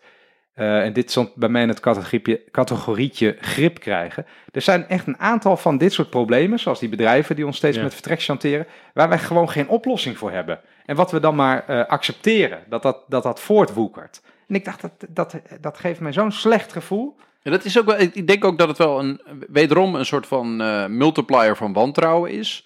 Dat de mensen die jij kiest om de macht uit te oefenen, dat die aangeven van, ja sorry, hier kunnen we echt niks aan doen. Ja, het is super belangrijk en we kunnen er alleen maar geld tegenaan Ja, we gooien. kunnen niks. We Maar- kunnen niks. Ja, zij zijn eigenlijk de baas. Wij- Ze kunnen gaan en staan waar ze willen. Wouter, als ik maar vaak genoeg tegen jou zeg, sorry Wouter, ik kan niks. Op een gegeven moment heb je dan geen enkel respect meer. Nee, dan neem ik wel eh, iemand voor anders. mij. En dat is de positie waar de Nederlandse overheid in is beland. Maar ik heb nog eentje in die categorie, die wil ik ook wel erin gooien. Arbeidsmigratie. Ja. Ehm, een groot deel van de Nederlanders, als je zou vragen, vindt u dat de Nederlandse overheid, of vindt u dat wij als Nederlanders invloed mogen hebben op hoeveel arbeidsmigranten hier komen? Ja of nee? Dat 90% zegt ja. Ik vind dat wij daar enige invloed. Zo, i- iets wat suggestieve vraag. Nou ja, dat is een heldere vraag. Ja. Eh, vind jij dat, dat, dat, wij, dat, wij, dat wij invloed mogen hebben op het aantal mensen uit het buitenland dat hier komt werken? Ik denk dat heel veel mensen A, te- al denken dat we die invloed hebben, eh, maar dat we dan die niet aanwenden op een of andere manier. Eh, en B, weet ik even niet meer. Nou, dat heb ik heel vaak, dit. Maar wat ik, wat ik dus als oplossing had bedacht, eh, is... Maak gewoon een vergunningsstelsel, heel simpel. Je, als je een buitenlandse werknemer wilt hebben, moet je vergunning aanvragen. Weet ik veel wat de eisen verder zijn. Eh. Maar daardoor weet je hoeveel er zijn. Nu weet de Nederlandse overheid niet eens hoeveel buitenlandse nee, werknemers we proberen er ze nu hè? te registreren. Ja, dat proberen ze te... Het is wel ingewikkeld. Zullen ze ook wel ergens in een rapport hebben geschreven dat dat eigenlijk niet kan. Nou, ik kan je uit ervaring binnen de overheid vertellen dat het heel ingewikkeld is. Nou ja, eh, dit maakt het heel simpel. Als jij buitenlanders eh, in dienst wil nemen, dan moet je een vergunning aanvragen. En hoe, hoe ga je, wa- wa- wat zeg je tegen degene dat, die zegt van ja, het is in principe gewoon een, eigenlijk is een, een basisprincipe van de Europese grondwet, is het vrij verkeer van personen eh, en goederen. Ja. Eh, nou ja, dus- weet je, ik kan, mag werken in Roemenië als ik daar trek aan heb. En een eh, Italiaan mag werken in Nederland als hij er trek aan heb. Omdat wij gewoon een vrij verkeer van, eh, van arbeid Nou, hebben. het klopt dat dat in het verdrag van Lissabon staat. Ja. Alleen ehm, dan wordt toch de democraat in mij wakker. Wat nou als ik af wil van ergens een zinnetje wat in het verdrag van Lissabon staat? Dat kan dus gewoon niet. Eh, dus de enige optie, ja, tenzij je met alle 26 EU-landen unaniem daarover eens wordt. Nou, dat gaat dus nooit gebeuren. Eh, dat betekent dat ehm, dat, het, dat, dat, dat heeft niks meer met democratie te maken op den duur. Dus als wij vinden bijvoorbeeld hier in Den Haag heb je, heb je eh, heel veel eh, arbeidsmigranten in de wat mindere wijken. Eh, als wij vinden dat de maatschappelijke gevolgen daarvan onacceptabel worden, dan ben ik van mening dat als Nederland democratisch besluit dat we daar een, eh, een quotum of eh, weet ik veel wat op willen zetten, dat dat moet kunnen. En wa- Wat zeg je tegen de mensen die, eh, de, bijvoorbeeld hier in Den Haag heb je ontzettend veel mensen die werken in de, de land- en tuinbouw, eh, in, in het kassen in het Westland. Ehm, eh, en daar, daar hebben ze gewoon heel veel arbeid nodig. En dat is laaggeschoolde arbeid, het is zware arbeid. En daar heb je vaak eh, jonge mensen die lange dagen willen maken voor nodig. Ehm, Maar het enige wat Rennie zegt, dat je moet registreren. Hè? Ja. dus kijk, een van de de problemen Ik die zeg je niet gewoon eens hier dat in niet Den Haag hebt, is dat de voorspellingen van de groei van het aantal inwoners van Den Haag, die voorspellingen zijn totaal te laag. Al jaren en jaren en ja, jaren. weet ik niet eens hoeveel mensen. Omdat eh, er wordt van volgens mij 5000 of zo aangega- uitgegaan per jaar. We weten dat dat veel en veel hoger ligt, omdat er gewoon allerlei arbeidsmigranten hier ook komen wonen, die we niet in dit snotje hebben. En denk ik van, dat is prima vrij verkeer van, eh, van eh, arbeid. Ja. Allemaal oké, maar ik wil, ik denk wel dat de eurolanden dan het recht hebben om te weten wie hun land inkomt, hoe lang die er blijft, waar die gaat wonen, of er ook gewoon of de, of de voorzieningen voor het hele land dan op peil blijven. Want we hebben hier gewoon, in Den Haag zie je gewoon, nou ja, het is tien jaar veel te weinig gebouwd, omdat er onder andere geen rekening werd gehouden met de arbeidsmigranten. Ja. Ja, en dat, gebeurt natuurlijk veel meer in de grote steden. En jij was, volgens mij Wouter, jij was net een boom aan het opzetten over werknemers die zeggen, ja, maar ik ben afhankelijk van deze arbeid. Nee, Werkgevers. ik bedoel meer bedrijven. Gewoon, je hebt veel, veel MKB'ers Ja, ja, pardon, die, die ik zeg zeggen, ja, je, je, hebt, je kent allemaal van die projecten dat er mensen van, vanuit, eh, eh, of vanuit werkloosheid proberen eh, de kassen in te krijgen. En die kassenhouders zeggen allemaal, ja sorry, het lukt niet zonder onze Oost-Europese vrienden die dat werk komen doen. Want die, die Hollanders, dat eh, schiet niet op. Ja, nou dat, dat vind ik altijd een beetje een kul argument. Want recent was er nog Eh, vanwege corona was er, was, werd het punt gemaakt van ja, arbeidsmigranten moeten eigenlijk hun eigen kamer hebben. Want als ze allemaal in die kleine hokjes bovenop elkaar moeten liggen, dan besmetten ze elkaar met corona. En toen kwam, eh, ik weet niet veel, de belangenbehartigers van eh, die, arbeid, of, hè, die, die werkgevers, die zeiden ja, maar dat, dat kan nooit uit, dat businessmodel. Oh, denk ik, ja, sorry, alsjeblieft man. Als jouw businessmodel niet toestaat dat de mensen die voor jou werken gewoon op een eigen kamer kunnen slapen, eh, dan, is jou, dan levert jouw businessmodel gewoon te weinig rendement op. Dan, ben ik echt, dan zeg ik echt, ik geloof in de marktwerking. Als jij dat niet kan bieden, dan eh, is jouw hele bedrijfstak achterhaald. En je kan ook zeggen, ja, maar zonder slavenarbeid kan ik niet bestaan. Oké, nou, dan, houden we, dan laten we de slavernij maar in stand, hè? want anders eh, is het toch nog slecht voor de economie. Dat hebben we toen toch ook niet gezegd? Ik vind zie dat je overtuigd bent. Wat? Ik zie dat je overtuigd Nee, bent. ik herkende dit vooral heel erg. Dat, ik, ik weet dat er zijn heel veel onderzoek gedaan naar dat er in die sector ook heel veel geld verdiend wordt aan mensen die dan als arbeidsmigrant komen eh, te laten wonen op heel weinig vierkante meter met heel veel Ja. mensen Ja. voor te veel geld. Kijk, ik sorry, geloof gewoon sowieso niet in, eh, in eh, businessmodellen waar een kernonderdeel van eh, de omzet maken en de winst maken is dat je gewoon heel erg bespaart op, Uitbuiting. arbeids, ja, Ja. op arbeidskosten door eigenlijk allerlei hele slechte voorwaarden te bieden. Dat sowieso heeft dat op lange termijn geen enkele eh, toekomst.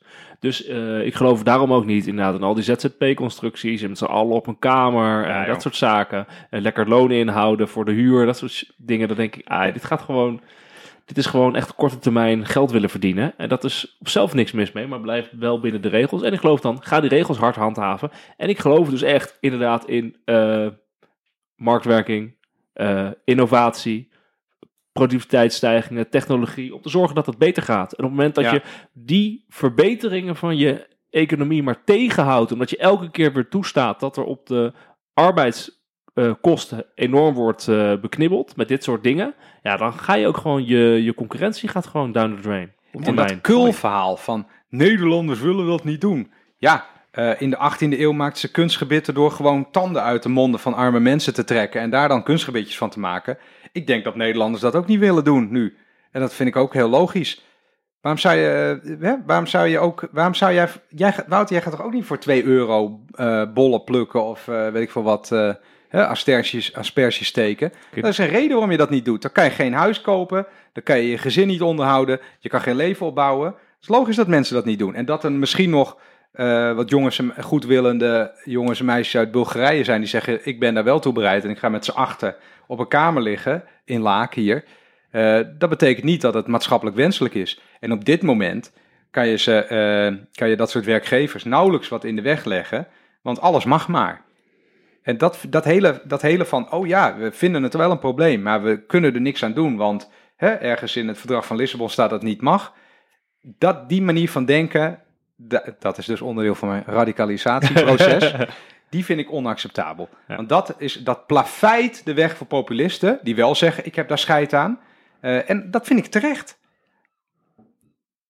Ik ben het ermee eens. Zullen we Lekker op de arbeidsmarkt doorgaan, maar dan op een ander punt? Ga jij nu? Ja, Je neemt hem gewoon. ik neem hem gewoon. Oh zo, hey, ik was. Ik vind dat het echt en echt moet gebeuren. Misschien jij hem ook wel. Kort punt. Zeker. Gaat over de flexibelere schil in Nederland. De flexibele schil die eh, in Europees en internationaal perspectief bizar groot is in Nederland. En die vangt nu alle klappen op van de coronacrisis. Een van de dingen die daar moet gebeuren, zo snel mogelijk, is dat het wettelijk minimumloon voor flexwerkers Oh, ook, flink en flink hoger komt te liggen dan het minimumloon voor vaste contracten. Dus niet alleen dat je als werkgever, zoals nu, extra premies betaalt voor flexkrachten, maar ook gewoon dat je handje contantje voor de werknemer die dat werk doet, dat je die extra geld moet betalen. Dus ik zou zeggen, flexwerkers krijgen 5% of 10% meer eh Minimumloon. bruto loon, minimumloon, bruto loon, whatever. Ik vind eigenlijk dat je gewoon moet vastleggen in de wet. Dus niet alleen minimumloon, maar ook als je dus eh, op iets hoger dan minimumloon zit. Je moet gewoon eh, meer verdienen in een flexcontract ten opzichte van iemand die hetzelfde werk doet. Zoveel procent meer. Waarom? Ik vind dat de werkgever beter de keuze moet maken eh, of die iemand echt wel als flexwerker in dienst moet hebben.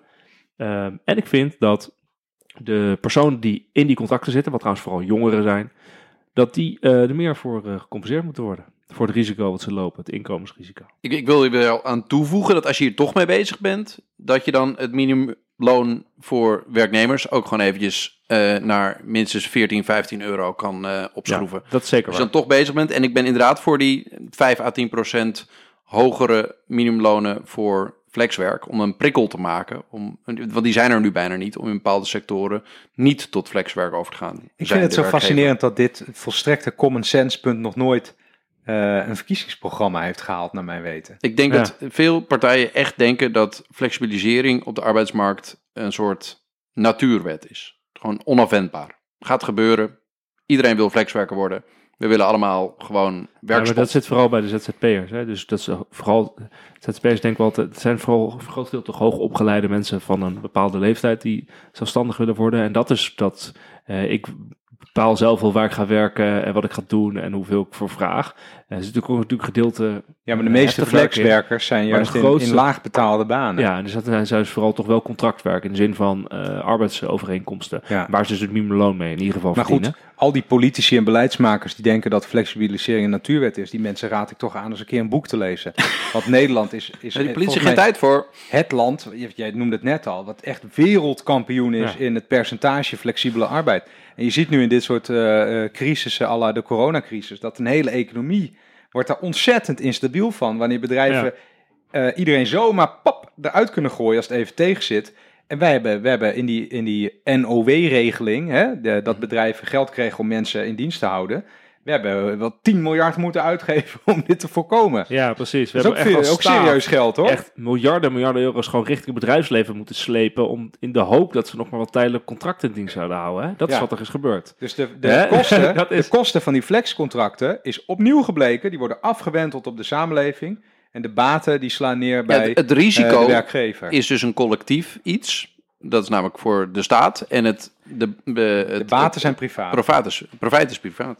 Nou, dus eh, wat zeggen we? Minimumloon omhoog en eh hoger minimumloon voor flexkrachten. Ja. Zeker, ja. Nou, we moeten nog even bij dat minimumloon, moeten we nog wel even zeggen, want nu gaat het een beetje de indruk ontstaan dat wij gewoon wild met geld aan het smijten zijn. Eh, Zo, zonder dat ja, ja, jij bent is. begonnen met een punt over eh, de belasting van moeten het gaan financieren. Ja, Ja. nee, dat klopt. Dat was het Maar- eerste punt. Eh, het gaat heel vaak over die toeslagen. En het staatsgeld, hè? Oh ja, dus er wordt, we zorgen ook voor de inkomsten. maar dit hele doorgedraaide circus van die toeslagen, dat is in de eerste plaats nodig, omdat je in Nederland niet kan leven van een minimumloon. En dat is eh, ook op filosofisch vlak, even tip of the head naar Thierry, is dat intens fout.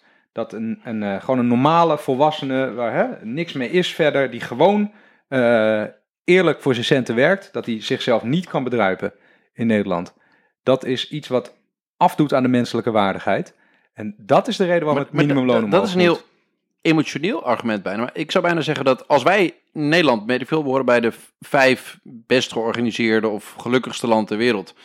Als dit is wat we qua intelligentie van het organiseren van een samenleving kunnen, nou dan ben ik nog niet zo onder de indruk. Dan denk ik echt dat het veel beter kan. Als dit is wat het slimste plan is om maatschappij in te richten, dan vind kan ik het dit beter. Er dan, nog- ben ik- dan kan heel het veel echt nog veel, beter. Dan, dan moeten we even ons best gaan doen. Ehm, oh, ik heb er nog wel een plantje voor je trouwens. Eh, mag ik nog even? Ja, dan gaan we Ja, lekker door, jongen. Ja, ik vind het leuk om ook niet-economische dingen erin te gooien. Ehm, Moet je wel denk- met echt iets niet economisch komen Ja. nu, hè? eh, snel breedband internet als grondrecht. Ik denk dat ehm, je in Nederland, dat hebben we gemerkt nu met eh, de coronacrisis, kan je eigenlijk niet meer in de maatschappij functioneren op het gebied van het krijgen van de juiste zorg, het hebben van sociale contacten, het krijgen van dienstverlening van de overheid, het hebben van essentiële levensbehoeften zonder internet.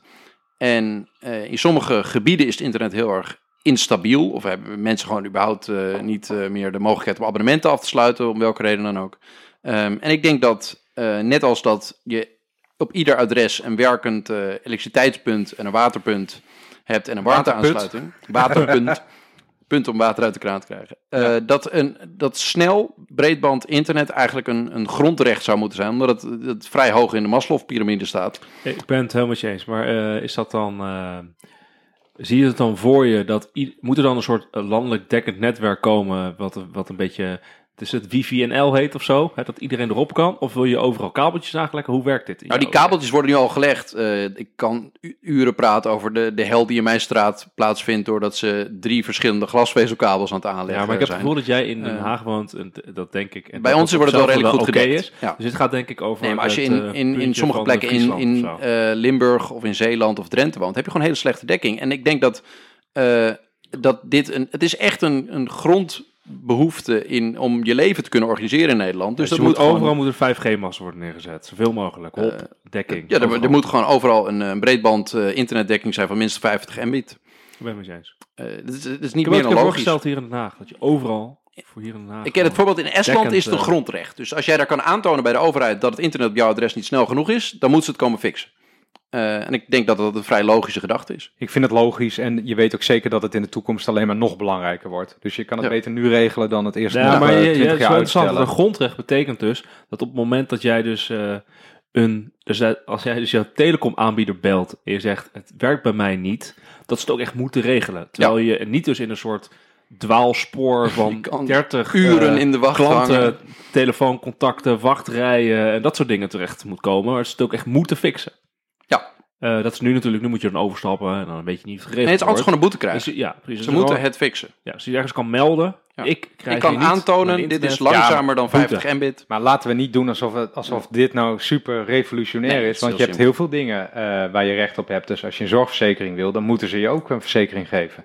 Ja. Ehm, je kijkt als, alsof Ja, dit- ik snap het alsof- punt niet. Ik, ik snap het punt wel, maar ik informatie vind voor het, je nee, nee, nee. Het is ook niet zo dat- het te relateren Ja, aan dit voorbeeld. Hetzelfde met andere nutsvoorzieningen, met elektriciteit. Als jij, weet ik veel, hier in Den Haag Stedin belt en zegt, ja, de stroom doet het niet bij mij. Zij zeggen, nou ja, nou, dat zullen we nog eens even zien. Misschien kijkt u niet goed. Nee, ze moeten dat gewoon fixen. Eh, Ja, precies. eh, dus- en dat- ik denk dat dat met, met snel internet eh, hetzelfde moet zijn. Dit was eigenlijk een zo be- dit was wel een beter voorbeeld. Dat geeft het toe. ik zit nu niet uit te kijken. Ik vond dit een heel goed voorbeeld. Oké, ik heb, Hebben jullie nog een mooi kaartje in de binnenzak? ja, ik heb nog wel eentje. Ja. Ehm, eentje die ook niet kan eh, ontbreken, namelijk ook een grondrecht, wonen. Eh, ik vind het, ehm, we hebben het al heel vaak over wonen gehad, dus ik had kunnen zeggen, tijdelijke huurcontracten eruit, eh, huurprijzen eh, reguleren, zodat je ook zeker bent van betaalbaarheid. Eh, maar ik wil het even hebben over dakloosheid. Want eh, we hebben wel eens eerder gezegd, dakloosheid is verdubbeld in een eh, tien jaar tijd, geloof ik, naar 40 à 50.000 mensen. Ehm, ik zou daarvan wel willen zeggen, dat is domweg onacceptabel. eh, dat dat bestaat. Dat zijn ontzettend veel mensen die geen huis kunnen vinden. En ik zeg het er nog maar een keer bij, dat zijn niet allemaal verwarde mensen die niet weten hoe je je inschrijft voor een woning. Dat zijn eh, heel vaak zelfs al werkende mensen, gescheiden mensen die, eh, die gewoon niet opnieuw een huis kunnen vinden wat ze kunnen betalen. Gewoon letterlijk niet, hè? dus niet het is een beetje te duur, maar gewoon letterlijk niet meer eh, een huis kunnen vinden op eh, enige afstand van hun werk of van hun kinderen of whatever. Dat is een maatschappelijk onacceptabel probleem, zou ik zeggen. Ja. En de, ma- de manier waarop de overheid daar nu mee omgaat, en dat heb je het natuurlijk ook over eh, de, de, de legendarisch ondaadkrachtige minister Olongren. Maar ik zou zeggen, een nieuw kabinet moet, moet zichzelf als doel stellen, wij lossen het dak, dakloosheidsprobleem binnen vier jaar volledig op. Ehm, en dat kun je doen door bijvoorbeeld net met statushouders quota op te leggen aan provincies. Jullie moeten, ehm, misschien moet ik dit anders introduceren. Als je ehm, een praktisch probleem hebt, zoals dit, gewoon te weinig huizen voor eh, deze mensen, dan moet je soms een beetje communistisch denken. Dan moet je gewoon zeggen, jij doet eh 10.000 huizen, jij doet 10.000 huizen, jij doet 10.000 huizen. En ze moeten er over vier jaar staan, anders word je gekort op, het, eh, op jouw uitkering uit het provinciefonds. En ik, Of iets dergelijks. ik ben het hier helemaal mee eens, maar ik zou nog een stapje verder willen gaan. Ik vind dat we de grondwet moeten aanpassen. De grondwet, artikel 22, daar staat nu een zinnetje. Bevordering van voldoende woongelegenheid is voorwerp van zorg der overheid. Ja, Ik, dat is zo een niets. Het is een eh, zin waar natuurlijk over nagedacht is en wat in zijn tijd heel belangrijk was. Maar als je nu, als die daklozen zich allemaal zouden organiseren in een van de collectief, of is er een stichting die voor ze opkomt, ja en die klaagt de Nederlandse de Rijksoverheid aan, de Nederlandse staat aan, omdat ze zich niet aan de grondwet houden. Wat gebeurt er dan? Hebben ze, volgens mij hebben ze geen poten op te staan. Nee, je hebt geen poten op te staan. en ik vind Dat dat je, het wonen is gewoon een grondrecht. Ik denk dat Cody Hoxema hebben hier gehad in de podcast. Die heeft het laatst ook weer eh, mooi verteld op tv. Dat is gewoon een grondwe- eh, grondrecht. En dat moet duidelijker in de grondwet komen. En je moet de staat ook aansprakelijk kunnen stellen. Ik vind het, eh, dit duurt allemaal veel, veel te lang. En dan hebben we inderdaad een Ja. minister die gewoon vier jaar lang alleen maar onderzoeken doet. Besluiten vooruit schuift. En zegt, de markt gaat oplossen. Misschien moeten we het een beetje liberaliseren en vrije huur erin gooien. En dan denk je, we pakken nog wat doelstellingen, zetten we ergens neer. En dan komen we er weer achter dat het tekort van 300.000 naar 320.000 naar 300 hoeveel duizend gaat. Denk ik, ja, er gebeurt gewoon veel, veel te weinig. Dit moet gewoon veel duidelijker worden neergezet wat de overheid Mhm. moet doen. Ja, nee, dat denk ik ook. Je moet jezelf eh, dwingen dit op te lossen. Eh, en het is, ook, het is ook, waarom zou het in vredesnaam niet mogelijk zijn? Het is mogelijk. Om voldoende huizen. Al zijn het maar tijdelijke, lelijke, kleine huisjes. Dat is, dat is, dat is honderd keer beter dan dat je letterlijk eh, nergens kan slapen. Zoals wij in Groningen zeggen. Ah jongens, ze schieten mensen naar de maan. Alles is mogelijk. Ja. Daarmee bedoelen ze, als wij mensen naar de maan kunnen schieten, dan kunnen we ook wel genoeg huisjes in Nederland bouwen. Ja. Nou, en de als je er ietsje dieper op in zou gaan. En eh, hè, wij stappen nu naar, weet ik veel, wij stappen naar de provincie Overijssel en zeggen: jullie moeten 10.000 eh, desnoods tijdelijke woningen neerzetten. Voor de daklozen die, de- die wij vinden dat in jullie provincie gehuisvest moet worden. Dan zeggen ze: ja, maar. ehm, er staat in de provinciale structuurvisie staat dat, er, dat die huizen helemaal niet nodig zijn. Dit klinkt bespottelijk, maar dit is dan, hè, dit is dan hoe het gaat. Ja, want eh, we hebben over vijf jaar begint de bevolking te krimpen hier, dus dan komen de huizen vrij. Het is allemaal van dat soort theoretische en papieren werkelijkheden waar je dan op stuit. Door mensen geschreven, beargumenteerd en overklaard die allemaal een huis hebben. Ja, ja Waarschijnlijk allemaal een koophuis. Ja, ook, ook nog. Ja. Dus volgens mij moet je, moet je heel simpel een wet maken die, en ik ben geen jurist, maar de alles kan, heb ik geleerd. Als je het op kan schrijven, dan kan het. Een wet maken die al dat soort eh, visies en weet ik veel wat overroelt en zegt, los van die visies moeten deze woningen er voor 2025 staan. Punt. Anders word je allemaal, worden alle gedeputeerden ontslagen. Je Ja, kan- ik je denk kan wel, als, als ze het allemaal overnemen, wordt het een ambitieus verkiezingsprogramma. Als eh, de, de partijtjes een beetje luisteren. Ja. Nou, weet je wat ik zo vreemd vind met als ik het huidige regeerakkoord ook bekijk en de hele manier van denken in Den Haag eh, nu is, is, is, is een beetje zo. Dat is een beetje er rommelen aan de marge. Hè? We hebben dakloos. Oh ja, dan gaan we een beetje eh, een visie schrijven dat het een beetje bevorderd wordt, dat, zus of zo. Denk ik, nee man. Denk nou eens gewoon ouderwets in ouderwets besturen. We gaan het regelen. Jij doet dit, jij doet dat. En dan over een paar jaar is het er gewoon. ja, maar de markt moet regelen, Randy. Ja, daar moet je dus afscheid van nemen. ja, want dan plaats je het buiten jezelf. Ja. We Ja, gaan een klopt. beetje het systeem tweaken en dan gebeuren er dingen waardoor Ja. het opgelost wordt. Nee, ik zou is- dat is- magisch denken noemen. Ja, ja, precies. Zullen we er allemaal nog eentje doen? Of twee? Eén? We, hebben, we zijn alweer een uur aan het uh, Ja, Gaat lekker. Moeten we, wat, Eh, wat, eh, zeg maar. Ik Ik, wil- ja, ik ben, we zijn één ding nog een beetje vergeten. En dat, Eén ding maar, ik heb ook nog wat hoor. nou, dus, een eh, thema, een themaatje. Oh. Ehm, dat is in mijn ogen eh, duurzame energie. Eh, dat, dit- je, het is moeilijk om een verkiezingsprogramma neer te zetten waarbij je dat niet als een van de allerbelangrijkste onderwerpen eh, neer gaat eh, zetten. Want nou ja, het, het is gewoon heel lastig wonen in Nederland als de boel onder water gaat staan. Ik grap altijd tegen mijn vrouw thuis dat we, we waren toevallig vorig jaar op vakantie naar Noorwegen en ik zei, nou kijk maar eens goed rond, hier wonen wij over 20 jaar. Want we wonen nu in Den Haag en dat gaat dan niet meer. Ehm, maar. ja, dat kijkt raar. Ja, eh, ik zeg het af en toe op. Dus jouw aanstaande verhuizing naar Rijswijk die is niet afdoende om de zeespiegelstijging te ontvluchten. ik denk, daar redden we het niet meer. Redden we het niet mee. Nee, eh, maar nee, het, eh, als maatregel dan denk ik. ehm, ik denk dat de overheid altijd een goed voorbeeld moet geven. Dus dat de overheid alleen maar duur, duurzaam opgewekte energie zou moeten hanteren in alle activiteiten die de overheid ontplooit. Dus gebouwen, mobiliteit, middelen die de overheid gebruikt. Ehm, en daarnaast denk ik dat je het vrij simpel is gewoon eh, smijt alle kolencentrales dicht. Per direct. Eh, is blijf- ja, ik zie jullie ook niet kijken van, nou, daar moeten we het lang over hebben. joh, het is meer gewoon een soort open deur. Ja, open deur. Stellen we op. Ja. Wie maar. Ja, ik had er ook nog wel een paar. Eh, het gaat ook over, het gaat vooral over milieu eigenlijk. En het terugdringen van eh, ook wel eh, ja, ja, milieuvervuiling. Denk ik dat dat het makkelijkste is. Eerste, ik vind dat wij ehm, belasting moeten gaan heffen. Een forsere belasting op alle grondstoffen die in productie zitten. En dan zeg maar vervuilende grondstoffen. eh, fossiele grondstoffen in de zin van kolen, aardolie, gas, kalksteen kwam ik ergens tegen bij PBL. Ik vind dat je dat als grondstoffen dit jaar belasting op moet gaan heffen. Waarom? Omdat je dan bedrijven prikkelt om ander soort eh, materialen in die productiefase te gaan gebruiken. Waardoor je, eh, als het goed is, minder uh, milieuvervuilend bezig bent. En daar praten we eigenlijk te weinig over. Want we hebben het alleen maar over zonnepanelen en dat soort dingen. Maar dit zou je volgens mij Mhm. moeten doen. Kalksteen. Grondstoffen, ja, grondstoffen heftiger eh, belasten. Het volgende wat je volgens mij moet doen is dat we over na moeten denken. Alle restwarmte die er is, die moet je gaan belasten. Dus als je restwarmte loost als industrie, Gaan we dat dan ook meten?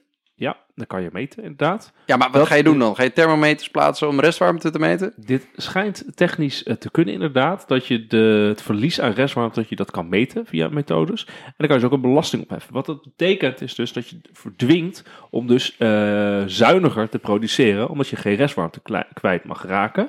Dus ehm, je gaat of zuiniger produceren of je zorgt ervoor dat die restwarmte opnieuw gebruikt gaat worden. Dat kan enorme verbetering zijn. Dus ik denk dat je dat eh, moet gaan doen. En als laatste, wat eh, ik ga het even niet over CO2-heffing hebben, maar wat heel interessant lijkt, is gewoon een hele hoge verpakkingenbelasting. Vooral plastic verpakkingenbelasting. En dan vet hoog. Ehm, met het idee. Gewoon vet hoog. Nou ja, ik, misschien moet je het een beetje laten ingroeien. Laten ingroeien dat je zegt over zoveel jaar is de Mooi verpakkingenbelasting. met een verkiezingsprogramma te zetten. Verpakkingsbelastingen. Vet hoog. Maar wat je moet doen, je moet eh, eh, veel meer gaan prikkelen dat er wordt nagedacht over alternatieve verpakkingen dan plastic. Dit- en ik denk dat dat al Ik zeg het kan. niet vaak, maar dit is toch een beetje slap. Dit is een beetje slap. Waarom Ja. is dit een beetje slap? Waarom eh, ga je niet toe? Want ik was behoorlijk geïnspireerd door het rietjesverbod. Hè, eh, wat eh, uit Brussel kwam, geloof ik. Ik weet het niet En, eens. en eh, plastic zakjesverbod ook. ja, Ja. Jij, jij hebt geen jonge kinderen, krijg je er niet door hoor. rietjes, eh, rietjes en plastic zakjes. Nou ja, wat ik in Er ieder geval zag gebeuren, het werd verboden. En binnen no time waren er duurzame alternatieven Ja. eh, voor die eh, Oh, zo, ja, ja. grondstoffen gevonden. En nogmaals, ik ik vind het altijd leuk om die stelling in te nemen. Ik heb een rotsvast en groot vertrouwen in het bedrijfsleven. Ik ook. Ik Innovatie. weet 100% zeker dat als wij zeggen, over vier jaar zijn deze niet duurzame grondstoffen niet meer toegestaan om te gebruiken, in consumptievoorwerpen of weet ik veel wat, Ja. dat ze binnen drie maanden trekken ze wat patenten van de plank en dan hebben ze gewoon wat beters. Daar ben ik van overtuigd. Dus waarom zou je hè, heel slap een beetje prikkelen met subsidie of met eh, belastingen? Waarom zeg je niet gewoon van, sorry, maar dit, eh, hier houden we mee op. Dit gaat gewoon, eh, dit gaat gewoon niet goed. doen. we kunnen gewoon zeggen, voor de Verbieden. KNS-periode in 2024 is het allemaal verboden, plastic verpakking. Ja, klaar. Regel Regel, het maar. Ja. Eh, ik denk regel dat het dat kan. maar, inderdaad. Ja, ik denk dat dat kan. En dat dat heel veel positieve effecten heeft voor, de, eh, voor, de, voor het milieu. Tegen, tegen vervuiling. Als je dus inderdaad Ja. petflessen, blikjes, verpakkingen, wat hebben we nog meer? Als je het allemaal gewoon belast of statiegeld of, of verbiedt. eh, ik denk dat je heel snel een enorm eh, milieueffect hebt. Ook op de plastic soep discussie. Oké, eh, ik haal weer even, weet ik veel, de, de, de, de accountant van Stal die zegt... ja, maar dan, dan moeten we dat ook allemaal weer ergens gaan administreren, bijhouden... Waar zit een verpakking om, welk niet, welke vorm van verpakking Ik wel denk, en dat, ik niet. denk dat accountants dan niet ja helemaal maar gaan niemand- zeggen, maar dolblij is zijn helemaal- dat dat mag gebeuren. En Want- Dat denk ik ook. Verdient Nou. heel veel geld ermee. En het tweede is dat eh, er is ook helemaal niemand die registreert of de plastic zakjes daadwerkelijk uit alle supermarkten en alle winkels zijn verdwenen. Sterker nog, ik weet er in de buurt echt nog wel een paar kleine MKB-bedrijven krijgt. waar nog steeds plastic zakjes krijgt. Maar alleen al dat het verbod er is, Ja. zorgt ervoor dat heel veel grote bedrijven, in ieder geval echte voorlopers, de grote bedrijven, zoals in dit geval natuurlijk gewoon de Albert Heijn en de Jumbo, noem dat maar op, dat die ermee stoppen. En dat is al zo'n grote, groot voordeel. Dus Daar je werkt- altijd maar richten op de aantal bedrijven waardoor het niet kan. Of die paar mensen die gaan verhuizen waardoor het niet kan. Of die paar bedrijven die weggaan. Als je daar de hele tijd op richt, dan mis je de grote klap die je gewoon kan maken door het wel in te voeren. Ja, en ook daar zou ik zeggen, ik geloof in het kapitalistische systeem. Want Ik vind jij het zo een- lekker om jou dit horen te horen Ja, ik geloof het ook 100% de, gewoon de randvoorwaarden zetten. We zijn en dan geloof ik echt dat het, dat het kapitalistische systeem met het bedrijfsleven, dat die er dwars doorheen ramt. ja, Geloof ik echt 100%. want weet je, wat, weet je wat er gebeurt als Albert Heijn toch stiekem plastic zakjes eh, blijft uitdelen? Dan zeggen, dan zeggen de aandeelhouders en de accountant, Oh, dat is een risico. ja, echt duidelijke Risico, boete. aanwijsbare onderdelen van het kapitalistische aandeelhouderssysteem. Die zeggen dan, jongens, we, je stelt jezelf bloot aan, eh, aan handhaving. Eh, ik kan deze jaarrekening eh, niet goedkeuren, want je hebt niet een voorziening opgenomen voor de boete die je hier mogelijk voor kan krijgen. Eh, dus, het, eh, dit, dus dat soort Ahold, bedrijven zoals Ahold, die gaan dat dan gewoon doen. Want het, is, het kan namelijk gewoon. Er zijn ook niet plastic zakjes. Of je kan ook gewoon 10 cent vragen. Nou ja, eh, het, punt is duidelijk. Ja, en dus niet de hele tijd alleen maar luisteren naar administratie. Het is lastig uitvoerbaar, overgangstermijnen, bla bla bla. Ik ben het helemaal met jullie eens, maar dit zijn wel de argumenten die je dan er tegen Van krijgt. Van ja, kan niet, wil ik niet, ja maar. Ja. Ja, maar die argumenten die moet je echt gewoon terzijde schuiven. Dan wordt de overheid te groot, want dan moeten we alles gaan bijhouden. Wat een onzin. Dat hoef je niet bij te houden. Houd de accountant gewoon bij. Houd de RVC in de gaten. En Hebben de we een hele mooie sector. eh, die, die kijken ook even mee. Ja, Ja, laten we gewoon het bedrijfsleven eraan verdienen. Gewoon accountants verdienen aan deze wetgeving. Massaal. dus jullie mogen het allemaal bij gaan houden. En, eh, ja, precies. Heb je er nog één, eh, meneer Martens? Nou, ik had, ook, eh, dit, ik had ook dit verbod op niet duurzame materialen. Ik denk, de, die had ik ook op mijn lijstje. Ehm, even kijken hoor. Heb jij nog geen, Wouter? Ik Ja, heb wel een paar, maar... Ehm, belasting heffen, dat is ook weer een open deur. Ik ga, ik ga er twee Weer doen. Belasting? belasting heffen op kerosine. Ja, Nee, Ja. de- Precies. Ja, Ja, dit dit Zo, al die vlie- dat vliegen, ga, Eh, pak het aan. En ook Ja. BTW op vliegtickets wel doen. Er zit geen BTW op vliegtickets, wist je dat? ja, dat wist ik. Dat heb ik een column over geschreven vorig jaar. Oké, er zit ook voor Ja. lezen. Wordt de geen staat sponsort uw vliegvakantie. Zo heet Ja, de column. dat kerosine Dat is een hele goede column. nog slechter voor het dan benzine. de beste columns worden het minst gelezen. Hè? Ja, dat had ik, ook. kreeg dus allemaal, ik kreeg, schreef dus die column. De staat sponsort uw vliegvakantie. En dat was dus vorig jaar in juli, dus rondom de Maar zomer. iedereen weet dit. En nee, heel veel mensen wisten het niet. Maar ik kreeg dus schuldbewuste berichtjes van allerlei mensen die zeiden... Ah, wie Mark wist dit helemaal niet. Ik ga Oh, vliegen en ook, ik betaal geen btw en ik betaal geen belasting op kerosine. Jeetje, wat Oh, mijn vliegticket eigenlijk. kost 12 euro. Oh, ik wist niet dat ik daar geen belasting over Nee, betaalde. dat ik echt Ik dacht... dacht echt dat dat het kostprijs was. Ja, Ja, ja. Dus eh, ik ben het helemaal met je eens. Eh, maar doe dit, dit was een open Maar deur. is Dus dit ik, ook ja. eh, dus hogere eh, prijzen voor korte vluchten? Wat ze dus nu in Oostenrijk doen, hè? ja, tuurlijk. De Ja, precies. Dus dat Dat moet dan moet- ook hoger. Dan moet je gewoon... eh, Het is toch debiel dat het eh, voor mij ongeveer vijf keer zo goedkoop is om naar Berlijn te vliegen dan om met de trein te gaan. Waarom zet je dan niet gewoon heel simpel in een wetje, nogmaals vanuit de filosofie, als je het kan opschrijven, dan kan het, dat je in de wet zegt, een vliegticket mag niet goedkoper zijn dan wat de treinreis kost. Gewoon Ja, Heel- su- succes met Singapore. zo simpel als dat. Ja, binnen Europa. Oké, Ja, goed. je, kan natuurlijk ja. ook, je kan natuurlijk ook gewoon, maar dit is, we hebben het nu eigenlijk altijd eh, gewoon de hele tijd over belastingen, belastingheffing en over eh, regulering. daar als begint twee dingen om, natuurlijk om de wereld mee te veranderen. Dat zijn ook de belangrijkste. Wij zijn wel heel links, hè? Maar, Dat, eh, ja, zijn de enige dingen die we kunnen. Hoezo, maar ik geloof ook dat de, dit een hele goede prikkel is voor de, de vliegbranche om dan echt een keer te gaan concurreren eh, als je ze eerlijk belast ten opzichte van andere mobiliteitssectoren. Wil je zeggen dat je ook een gelover bent in marktwerking? Ja, ik geloof in eerlijke, vrije marktwerking, maar wel waarbij de kaders door de overheid geschapen worden. En je moet dus vervelende externaliteiten als de planeetnarratiefs helpen, die moet je belasten. Ja, dat vind ik een heel goed punt. Mag ik, er- mag ik, er- Het is vrij simpel. mag ik er nog iets anders eh in gooien? Wat is er, Bjorn? Heel groot, mooi dat zegt. Dat is trouwens een negatieve externaliteit. Ga door. Dat is een nerdopmerking expres. Even, hij- zie je hoe- wat hij doet? Hij, hij, Ja. hij corrigeert jou even. en zo- dan zegt hij tegen mij, ga door. Het is even hebben leuk voor de economen luisteraars van zo, zo ja, zie je wel. Ja, ik Ik ben heb- trots op aan. Dat was een goede, goede, goede, goede. goede. Ja. Ik heb een, eh, eh, ik heb een meer filosofisch punt. En Oh het is ook wat minder concreet eh, daardoor, dus dat moet je me even vergeven. Maar ik ben daarin een beetje geïnspireerd door Thierry, die af en toe tirades houdt over lelijke gebouwen en eh, dat de cultuur niet deugt en eh, dat, we, dat soort dingen allemaal. Wat ik in ieder geval constateerde is, eh, en het is ook, eh, hè, dit, eh, ook niet zelf bedacht, hè, in België noemen ze dit volgens mij een, vergelijken ze dat met een citroen in elk geval, Ik weet- of ze noemen het een citroenwerkzaam leven of zoiets. Dat ehm, je gaat heel, de vorm van een citroen moet je dan aan denken. Je gaat werken, dan ga je heel hard werken. en dan op een gegeven moment na 30 jaar ben je opgebrand en dan stop je. En dan, ga, en dan werk je nul meer. Dat noemen ze Pensioen. dan- ja, dan ga je met pensioen.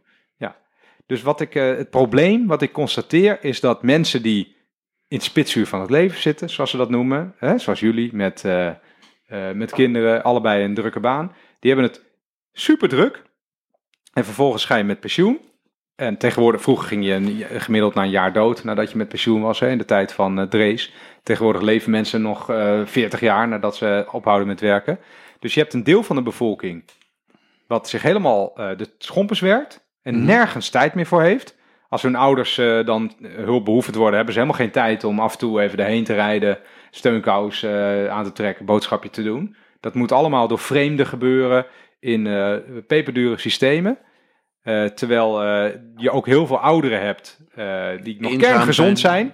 eh, niks te doen hebben. Mhm. Ehm, en daar ook, eh, hoe zeg je dat? Toch een ongemakkelijk, eh, of tenminste, ik, zeg, ik wou zeggen, die daar een ongemakkelijk gevoel bij hebben.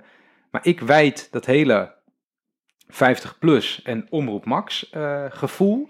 Hè, van, hé hey jongens, hallo, we zijn wel oud, maar wij zijn er ook nog. Dat vind ik een heel terecht sentiment. Maar ik wijd dat aan dat, eh, dat heel veel mensen dus geen, geen, of geen, of een heel, maar een hele beperkte rol in de samenleving hebben. Terwijl ze nog zoveel kunnen. Dus ik dacht, je moet eigenlijk iets doen waardoor eh, al die mensen die voortdurend tegen het randje van de burn-out aanhangen, dat die het wat rustiger krijgen. Ehm, dus ik moest dan als eerste denken aan een vierdaagse werkweek. Waarom niet? Heb je nog een vijfde dag om voor je ouders te zorgen? Of je hebt nog een vijfde dag om, om de, de straat een beetje netjes te maken of op te ruimen of whatever. Ehm, en dat je dan ook iets verzint waardoor mensen die formeel of feitelijk met pensioen zijn, ook nog, toch nog iets kunnen doen. Maar dat heet toch gewoon vrijwilligerswerk?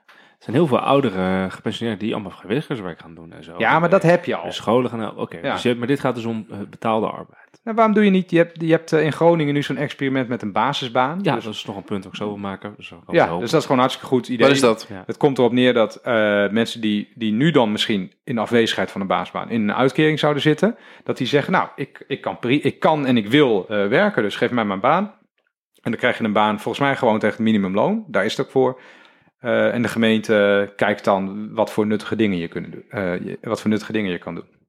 Gewoon, dat bestond al. Dat was de melkertbaan. Hebben we afgeschaft. Ja, hadden ze nooit moeten doen. Maar nu hebben ze dan de basisbaan. Eh, een uitmuntend idee. En ik denk dus dat er in de samenleving heel veel werk te doen is. Ja. Wat nuttig is. wat niet gebeurt op basis van commerciële motieven. en wat ook niet gebeurt als vrijwilligerswerk. Omdat het toch net... Ja, je gaat als vrijwilliger ook niet twee dagen per week op een school eh, het- een, een beetje vegen. Bijvoorbeeld. Hè, of de boel een beetje netjes houden. Dat gaat misschien ook toch te ver. Maar als je ervoor betaald wordt. Ja. En je bent al met pensioen en je krijgt eh, nog, weet ik veel, 10 euro per uur om eh, op die school eh, We hadden, te we hadden net het minimumloon per uur naar 14 gezet. 14. Ja. Maar het is wel zo... Ja, klopt. Ik ben het helemaal met je eens. Hè. Ik denk ook dat komend jaar of jaren wordt een enorm eh, kans om met die basisbaan grote stappen te zetten. Want de werkloosheid gaat gewoon enorm oplopen volgend jaar. Naar ongeveer 7% is nu de voorspelling. Meer dan 600.000 mensen. Enorme oploop, heel snel. Is heel lang niet meer zo voorgekomen. Misschien wel nooit. Eh, en dat betekent dat heel veel mensen werkloos zijn. En met zo'n snelheid, zoveel mensen werkloos. Dat, daar moet je op reageren als Er overheid. moet gewoon Dus werkgelegenheids... eh, werkgelegenheid moeten komen, moet actief maar je moet werkgelegenheidsbeleid komen. Dus ik denk dat basisbanen echt op grotere schaal ingevoerd Daar moeten moet je ook een beetje filosofisch naar durven kijken. Want wat is werkloosheid nou? 10% werkloosheid. Dat betekent dus 10% van je werkzame, eh, hè, je normalite werkzame bevolking, die zit thuis, die wil iets doen, die kan niks doen, want het Ja. economisch systeem eh, heeft zo geregeld dat ze thuis komen te zitten. Ondertussen is er ook genoeg te doen, wat niet gebeurt. Eh, je geeft ze wel eh, een uitkering. Eh, daar, hè, daar doe je dan eh, eh, eh, vaak eh, weinig voor. Terwijl je best wat wil doen. Voor ietsje meer. Ook al zou je maar ietsje meer krijgen, wil je het wel doen. Je bent wel gek dat je al die, al die potentiële arbeid gewoon in de put gooit. Ja, Benut die mensen. Oké, en de, nog, weer die accountant uit eh Dronten komt weer langs en die zegt, ja, hoe gaan we dat allemaal betalen? Hè? Jullie weer zitten weer eh, met geld te smijten. Maar wat allemaal vandaan? maar een kleine top-up op, eh, op het natuurlijk eh, bijstand. eh, bijstand. Hè? Het betaalt zichzelf. Daar ben ik van overtuigd. Eh, want A, je krijgt er ook heel veel voor terug. Want al die mensen gaan dus bepaalde dingen doen. Eh, ehm, dus al die, al die verloedering in bepaalde wijken, die kan je oplossen. Je kan mensen dat laten, eh, je kan dat laten doen. Eh, al die mensen die eh, in problematische schulden zitten, omdat ze bijvoorbeeld, eh, er zijn allerlei mensen om allerlei redenen, maar eh, omdat ze slecht met geld om kunnen gaan, dan kan je met een, een, een werkloze accountant kan je daar opzetten. Eh, uit Dronten of, of, of uit een andere Dat plaats. is imaginair, hè? Was. Ja, nou, ik denk wel dat er daar veel wonen. Dus dat was wel een, wel een goed voorbeeld. Maar weet je, dat is, geld is maar geld. Geld is een illusie in de economie. Hè? Eh, Dit zouden we nooit aan mensen vertellen, hadden we het, het, echte waar, ja, als ze dat eenmaal weten, Ja, dan breekt de anarchie uit. Maar de echte welvaart zit erin dat eh, mensen overdag dingen doen eh, die nuttig zijn. En Precies. deze, deze 10%, eh, ik weet niet of het 10 wordt, maar die we net, waar we het net over Dat is hadden. een beetje VVD-verhaal voor de hardwerkende Nederlander. Jij bent er eigenlijk voor de hardwerkende Nederlanders. Maar je wil ze hard laten Ja, werken. er zijn discussies over natuurlijk de brede welvaart. Ik denk dat als je basisbanen invoert en je doet dat voor heel veel eh, mensen, dat de brede welvaart in Nederland enorm, enorm gaat stijgen. Ik weet niet Ja. of het, of het allemaal in het BBP terechtkomt, maar de brede welvaart Ja, maar ook gewoon het toe. welzijn. Het welzijn, ja, en het, precies. het, het, het Ja, gevoel van, van rechtvaardigheid en, en ertoe doen. Ja, tuurlijk. ja, precies. En, en, en natuurlijk moet je rijksbegroting rondkomen. Eh, dat snap ik ook. Eh, maar ik ben er ook van overtuigd dat Dat hoeft dat kan. helemaal niet in een crisisjaar. ook die brede welvaart kun je vast op een of andere manier belasten. Als je daar heel goed over nadenkt. En dan creëer je dus een economie. Ehm, en dat, ik zou niet weten waarom, dat, eh, waar- waarom het intellect in Nederland tekort zou schieten om dit te organiseren. Dus dat is, dat is een capitulatie die je niet op voorhand moet doen. Wie maar nog één? Eh, ik ben mijn lijst aan het kijken, maar zijn we niet... eh, hadden we gratis kinderopvang al? Ja, toch? Had je al gezegd? Nee, dat hebben we niet Niet? Oh, die, oh, die, had, die, had, die kwam langs in mijn versimpeling van overheidsdienstverlening. Dat ik denk dat Oh ja, dat is dus gratis die kinderopvang. gratis kinderopvang sowieso. Dat eh, zie Scandinavië. Dat kan ook gewoon, dat weet ik ook. Ja, maar dit is gewoon het, Oh ja. het is onwil. Het laatste. Ja. We hebben het gehad over het ministerie van Economische Zaken. Het ministerie van Economische Zaken en Werkgelegenheid. Waarvan Wat, wat doen ze zei- daar eigenlijk, Wie maar? Waarvan Randy zei, toen ik daar kwam Economische zaken en werkgelegenheid. Oh, zo zei ik dat? Oh, Ja. sorry, we moeten ook gaan stoppen, het is te laat. Eh, sorry, het ministerie van Economische Zaken en Klimaat. Waarvan Randy ooit een keer, toen hij ging solliciteren in het sollicitatiegesprek, zei... En dan had hij een punt. Wat doen jullie? Dat hij antwoordde, subsidies uitdelen. Eh, dat komt door werd de ook goed tunnel. gekeurd. door werd de ook goed tunnel gekeurd. tussen, tussen EZK en Ah, de beroemde tunnel. De beroemde tunnel. Eh, geldtunnel. Er zijn dus honderden, Lobbytunnel. heel veel subsidies die onder het ministerie van Economische Zaken hangen, die eh, naar het bedrijfsleven gaan, eh, niet of weinig effectief zijn, de beleidsdoelen die ze nastreven, maar wel leiden tot financiële ondersteuning van het bedrijfsleven.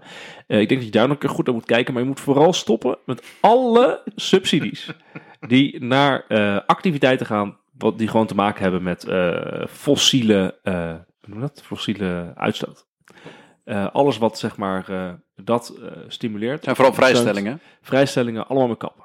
Ja, Allemaal mee kappen. Je mag gewoon, er mag geen enkele subsidie meer zitten op negatieve externaliteiten, op het Heel economisch van de, weer. van de klimaat. Mag je niet. had ook kunnen Gewoon mee zeggen... kappen. Dus als je, als je het vervelend vindt om belasting in te voeren, dan moet je in ieder geval op zijn minst stoppen met al de subsidies. Het is ons belastinggeld. Wij betalen met z'n allen belastinggeld wat naar activiteiten gaan die de wereld kapot maken. Ik zie dat je moeten we boos wordt, want je gaat op de tafel gaat eh, slaan. slaan. Ja, ik vind het echt ongekend. Deze Gewoon meent hij, deze moet opnemen. pure, pure eh, ondersteuning van, van bedrijven met het idee van, ja, dit, dit moet gewoon overeind blijven ten koste wat het kost met belastinggeld. Jij gelooft weer eigenlijk in de vrije markt. Je moet ze niet de hele duurzaam, tijd... duurzaam matsen. niet houdbaar is. Ja. Het is Ja. gewoon niet houdbaar.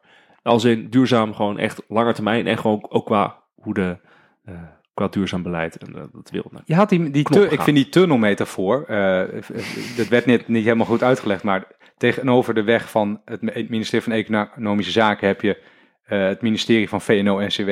Ja, Dat is geen ministerie. En dat weet ik, een veel groter gebouw. Net machtiger dan de ministerie, ik zou belangrijker dan de ministerie eigenlijk. Kijk er ook op neer, hè? Letterlijk is een hoger gebouw. Kijk Kijkt er er letterlijk op neer en mensen zeggen vaak er zit een tunnel onder de weg door. Maar eigenlijk kan je die metafoor ook aanpassen. Dat je zegt, als je bij economische zaken binnenkomt en je pakt dan de lift naar min 1, dan heb je daar een heel groot zwembad met geld erin. En daar zit dan een immense draaikolk in. En dan gaat al het belastinggeld gaat dan de subsidietunnel in. naar VNO-NCW. precies, precies, precies. Ja. Ik, ik mag je nog even, ik wil nog eh, twee gekken bij doen. Want we zijn het de hele tijd met elkaar eens. En we, ik vind ook echt qua radicale ideeën, het is allemaal heel economisch en fiscaal. Ik heb ooit nog wel eens een, een stuk geschreven wat ik, wat ik mooi zou vinden, is dat in Nederland hebben wij ehm, heel veel, eh, heel weinig vrije dagen. Als je kijkt naar veel andere landen, feestdagen. Eh, dus feestdagen die voor iedereen kennen waarin wij iets vieren. En wij hebben allemaal van die prachtige dagen zoals Tweede Pinksterdag of eh, Hemelvaartsdag of Tweede Paasdag. Waarbij mijn schatting is dat je aan iedereen onder de 30 vraagt van waarom we dat eigenlijk vieren. Dat ze geen idee hebben. Die tweede dagen die zijn allemaal gewoon puur voor de commercie eh, ooit bedacht. Hè? Ja, dat is voor de woonboulevards en dat soort eh, eh, grappen. Maar, wat- Jezus, Jezus is ook niet nog een keer geboren op tweede kerstdag. ja, maar dat weet niemand onder de 30. Die hebben geen idee. Die denken dat, die denken dat het wel zo is. Ja, nee, weet, weet, weet überhaupt niet waarom het is. Ehm, ik de- wat ik mooi vind, je hebt sommige landen, daar hebben ze een eh, dag, dat is democratiedag. En dat is dus niet een dag waarop we een, eh, een feest hebben, maar gewoon, je krijgt op de dag dat wij stemmen, een dag vrij. Eh, omdat het, wij vieren met elkaar dat wij een representatieve democratie zijn, dat wij überhaupt een democratie zijn, en dat het mooi is, dat het gaaf is, en dat vieren we. En dat, dat zou ik echt wel een mooi idee vinden. En ik wil die graag combineren met nog iets, waar we hebben toch al heel veel over fiscale maatregelen. Ik zou ook voorstellen om een dag vrij te krijgen op de dag dat we belasting betalen. Belastingdag. Dus waarom zou je niet als samenleving ook mogen vieren van, joh, wij betalen met z'n allen belasting. Dat, is, dat vinden we rot, want je hebt twee dingen in het leven die zeker zijn. Is dat je gaat dood en je moet belasting betalen. Ehm, maar waarom zouden we niet ook... Tenzij je een DGA bent. Waarom zou je niet ook een. eh, een- als we dan toch zo weinig feestdagen hebben in Nederland. dan denk ik dat deze twee toch echt een mooie ehm, toevoeging zijn. om de saamhorigheid in Nederland ten goede te komen. Dat we, want iedereen moet belasting betalen. En dat, dat gaan we gewoon. Dat is best mooi, want we hebben hele mooie dingen organiseren daarvan. Ik denk niet dat je daar een meerderheid voor krijgt. Maar ik vind op zelf, het, Ja. het, het, het- ik vind het twee sympathieke ideeën.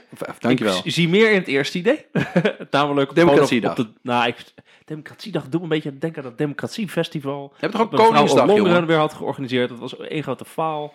Nee, Dat- dat- ik, dat- ik dat- hou niet van democratie. wij zijn zo, zijn te conservatief. We hebben, wanneer hebben we nou weer nog een nieuwe feestdag toegevoegd? Kun je een noemen? Ja, maar ik heb toch vrije in dagen. 1930, eh. Koningsdag. Ja, nou. Dat Maar er komt ook omdat bij feestdagen hoort een bepaalde traditie in. een bepaalde- Dat vinden mensen belangrijk. tradities kun je verzinnen. Ja, maar, dat, nou ja, maar je kan ze niet zomaar afschaffen. Dat je ziet wel stemdag. vaker in Nederland. Ik voeg het toe. Ik ben het Stemdag, stemdag. Ik ben om. Ik ben om. Dan gaan we stemdag. gewoon om tien uur 's ochtends stemmen. Dan gaan we naar de kroeg in. Ja, dan kun je Dat daarna- een heel goed idee. Ga je, naar, ga je naar het park of zo, weet ik veel. Doe je wat leuks met het gezin. Moet wel de gratis kinderopvang wel gewoon open zijn. Die Dan mensen, gaan we allen stemmen. die mensen moeten wel werken. ja. Ik ben benieuwd naar de reacties van de luisteraars. Ik dacht, deze is wat controversiëler. Ja, precies. Nou, hè? Leuk. Ik vond het leuk om te doen. Ja. Ik, vind, ik hoop dat mensen er een beetje inspiratie uit hebben gehaald. Uit eh, wat wij. eh, Ik hoop het ook. We moeten ons natuurlijk wel een beetje verontschuldigen dat wij een misschien lichtelijk eenzijdige visie hebben op eh, belastingen en regulering. Ja, er is maar één waarheid, hè? Dat is mijn waarheid. De studio tegengeeft waarheid. Ja, ik ben heel benieuwd of eh, dit tegengif eh, geïnjecteerd gaat worden in het systeem. Eh, we gaan merken. Oké, nou dan rest ons niks anders dan eh, u, lieve luisteraar, te bedanken voor het luisteren. Laat, eh, laat vooral een review achter in Apple Podcasts. Eh, die lezen wij altijd met veel plezier, behalve die negatieve recensie. Of reageer op Twitter met wat je van ons plannetjes vond. Precies. En wij zien jullie weer, of wij- jullie horen ons weer, eh, in augustus, denk ik. Toch? Ja. Wanneer zijn wij weer terug? Misschien Nou ja, wanneer we weer terug zijn, dat kan eh, ontzettend lang duren nog. Ik weet het eigenlijk niet eens. Ik denk, maar in ieder geval in augustus. Ja. We gaan even een kleine Voor de zomerstop houden. verkiezingsprogramma's, commissies, jullie hebben even de tijd om onze ideeën door te nemen.